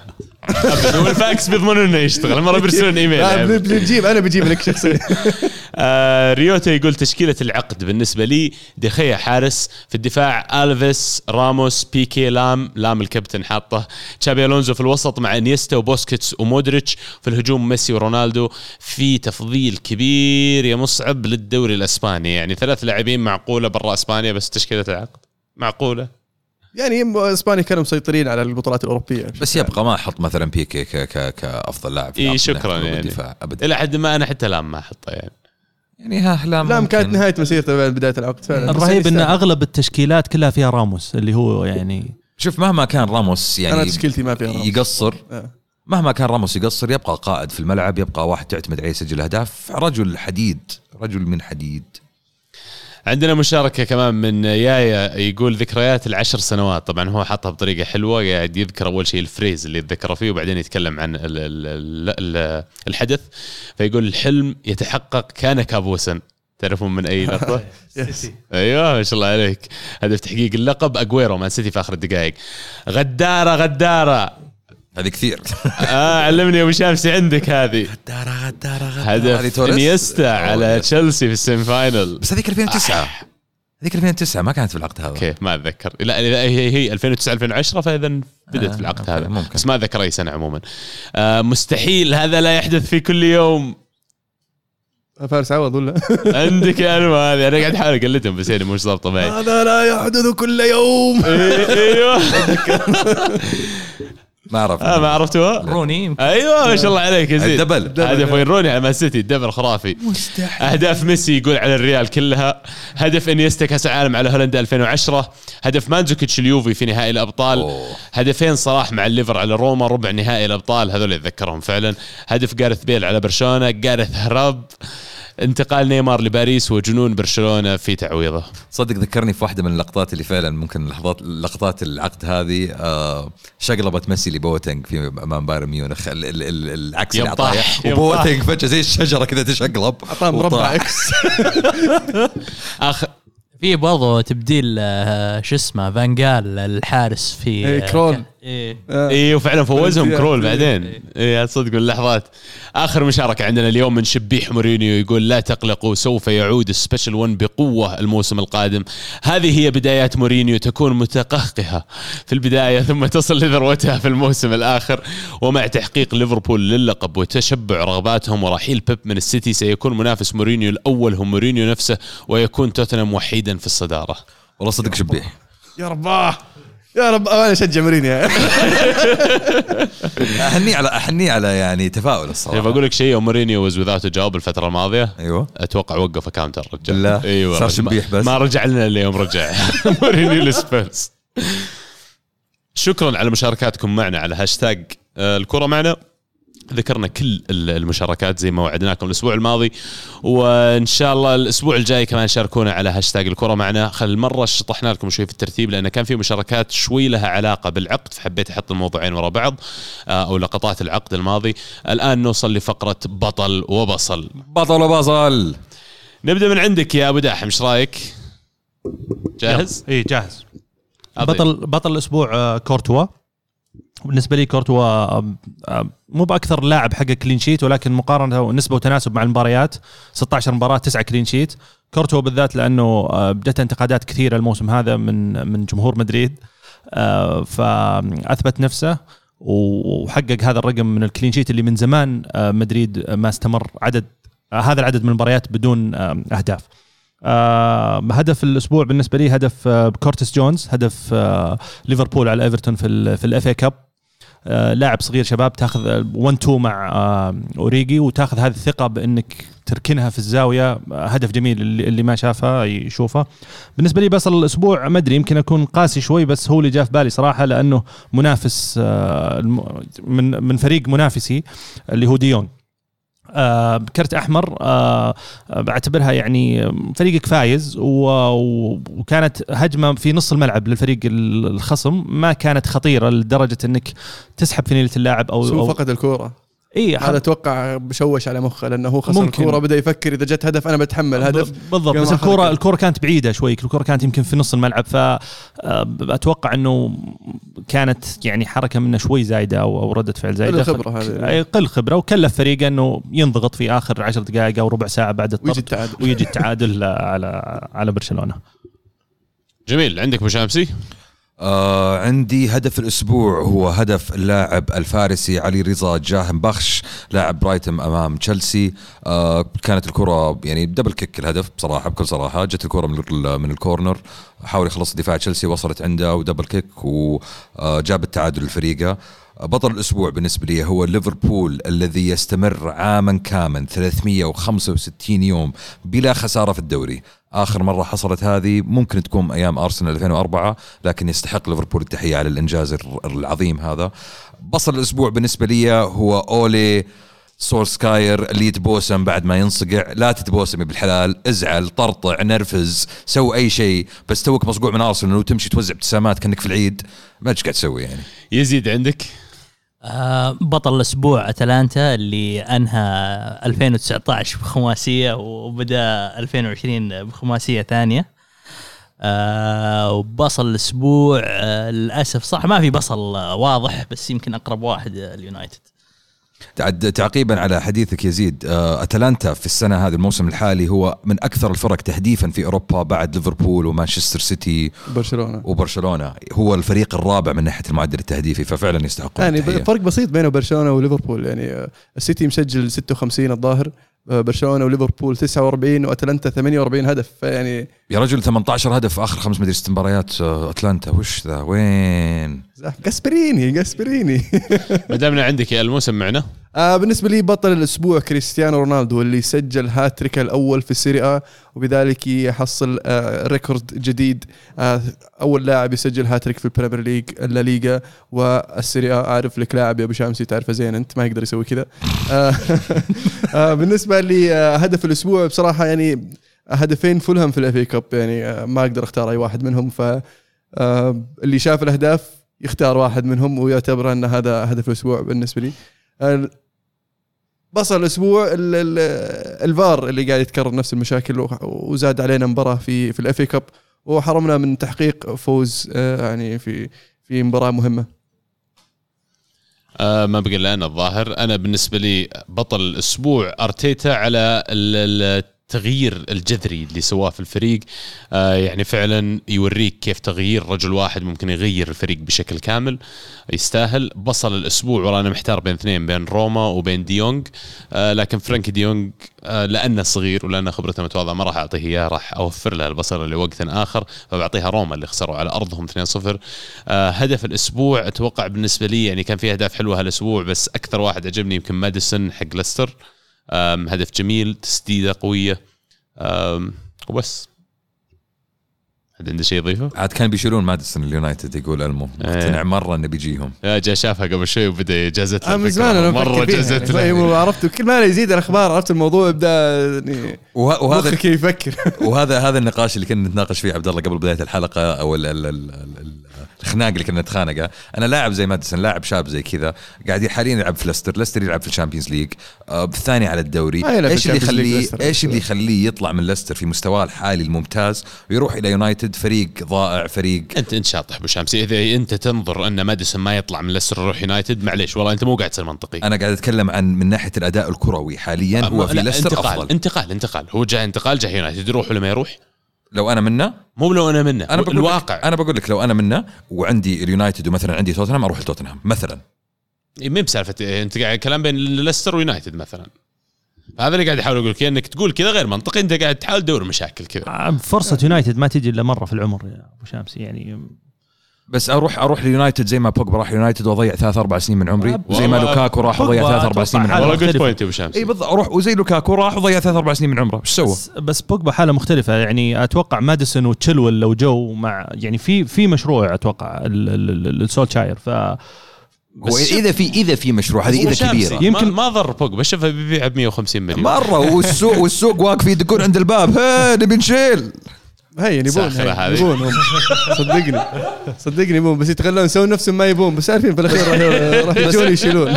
بس فعلا أنا عارف. أنت عارف يا أبو شامسي إنه راح ينباع بسعر يعني طيب. بس بس مو ب 150 راح في الأخير بنطلع ربحانين. بس السنة أنا هذه أنا هذه النقطة حقتي يا عبد الله. أنا هذه نقطتي إنه فعلا شفنا في آخر كمان آخر كم من سنة لعيبة تروح اليونايتد في أوج عطاياها ويعني تعدي سنتين ثلاثة بدون ما تحقق أي شيء. أنا أتوقع ماديسون شاف ال- ال- مين اللي جاء في. أوج عطاء أو ما حقق شيء؟ أعطيتك دي ماريا بس. لوكاكو وسانشيز. لا بس وش. وش وش بيحقق. وش بيحقق ماديسون مع ليستر إذا قاعد في الليستر يشارك في ال Champions League. فازوا بالدوري مرة ما يفوزون مرة ثانية. لا مو بالحين. لا الحين صعب. ليفر- ليفربول ليفر- ليفربول هذا والسيتي. والسيتي اسمه؟ ليفربول. إيه ليفربول والسيتي. وعندهم شيء اسمه. وتشيلسي وتوتنهام قادمون يعني مو توتنهام معهم مورينيو. ومانشستر يونايتد وأرسنال الحين قاعدين يبنون فأتوقع صعب انه يفوزون عاد. الواد الأزرق كويس عليه يعني أشوف إنه يدور له على نادي ثاني يلبس أزرق يعني ممكن يناسبه اي إذا بتريح ماونت في الدكة والله يا أبو شامسي مو بس قاعد تستفزني بيجي أصبر بيجي لكم وقت وبتصير مو Europa League بتصير الثامن وبنسوي أنا وألمو dedicated حلقات لمتابعة وضعكم وأنت إيش الفرق بيني وبينكم عبد الله؟ إني أنا ألعب بال Europa League أفوز فيها، أنتم تلعبون فيها ما إيش تسوون؟ أنا أقول حبيبي آخر مرة لعبنا فيها فزنا إيش قاعد تخربط أنت؟ نشوفك السنة إيش بتسوي؟ ما زلنا في البطولة يعني عموما بعد الهواش كله والله حلقة عدائية جدا يعني أنا ما اتذكر اني قلت أقول لك يا أبو شمسي مشخص الأمور يعني مع مع أولي جونر حساس- مانشستر حساس. مرة. خلوها خلوها الحلقة آه، الجاية فقاعد يحاول يقلل من من أداء أولي يعني أولي بدأ ديسمبر في المركز ال 12 وأنهى في المركز الخامس لكن آه، أبو شامسي يشوف مانشستر يونايتد يقدم أداءات سيئة في الفترة الماضية فما أدري وش قاعد يشوف يعني أبو شامسي شوف آخر مباراة يعطيها شهر ورا على الأقل. تحتفظ بحق الرد الحلقة الجاية أبو شمسي. الحلقة الجاية إن شاء الله. الحلقة الجاية وفروها الهواش أنا عجبني. شوف كم مباراه عجبني. معلوماتك لا زال لا زال. عجبني ال aggressive attitude هذا يا شباب إن شاء الله نعيده. هذه كانت المواضيع اللي معانا لحلقة اليوم نتمنى تكونون استمتعتوا معنا فيها. ونذكركم تابعونا على كل حساباتنا على ال social media Snapchat iTunes Twitter SoundCloud حتى على أنغامي موجودين Spotify موجودين كل application صوتيات المفروض إنهم موجودين. إذا مو موجودين كل اللي عليكم تغردون لنا تغريدة واحدة. أعطيني اسم ال app بس. ما يصير خاطرك إلا طيب. نذكركم تشاركون معنا في الأسبوع القادم الحلقة عن طريق هاشتاج الكورة معنا. وبس والله هذا اللي كان معنا اليوم. كانت الكره معنا والحين الكره معكم. فمان الله.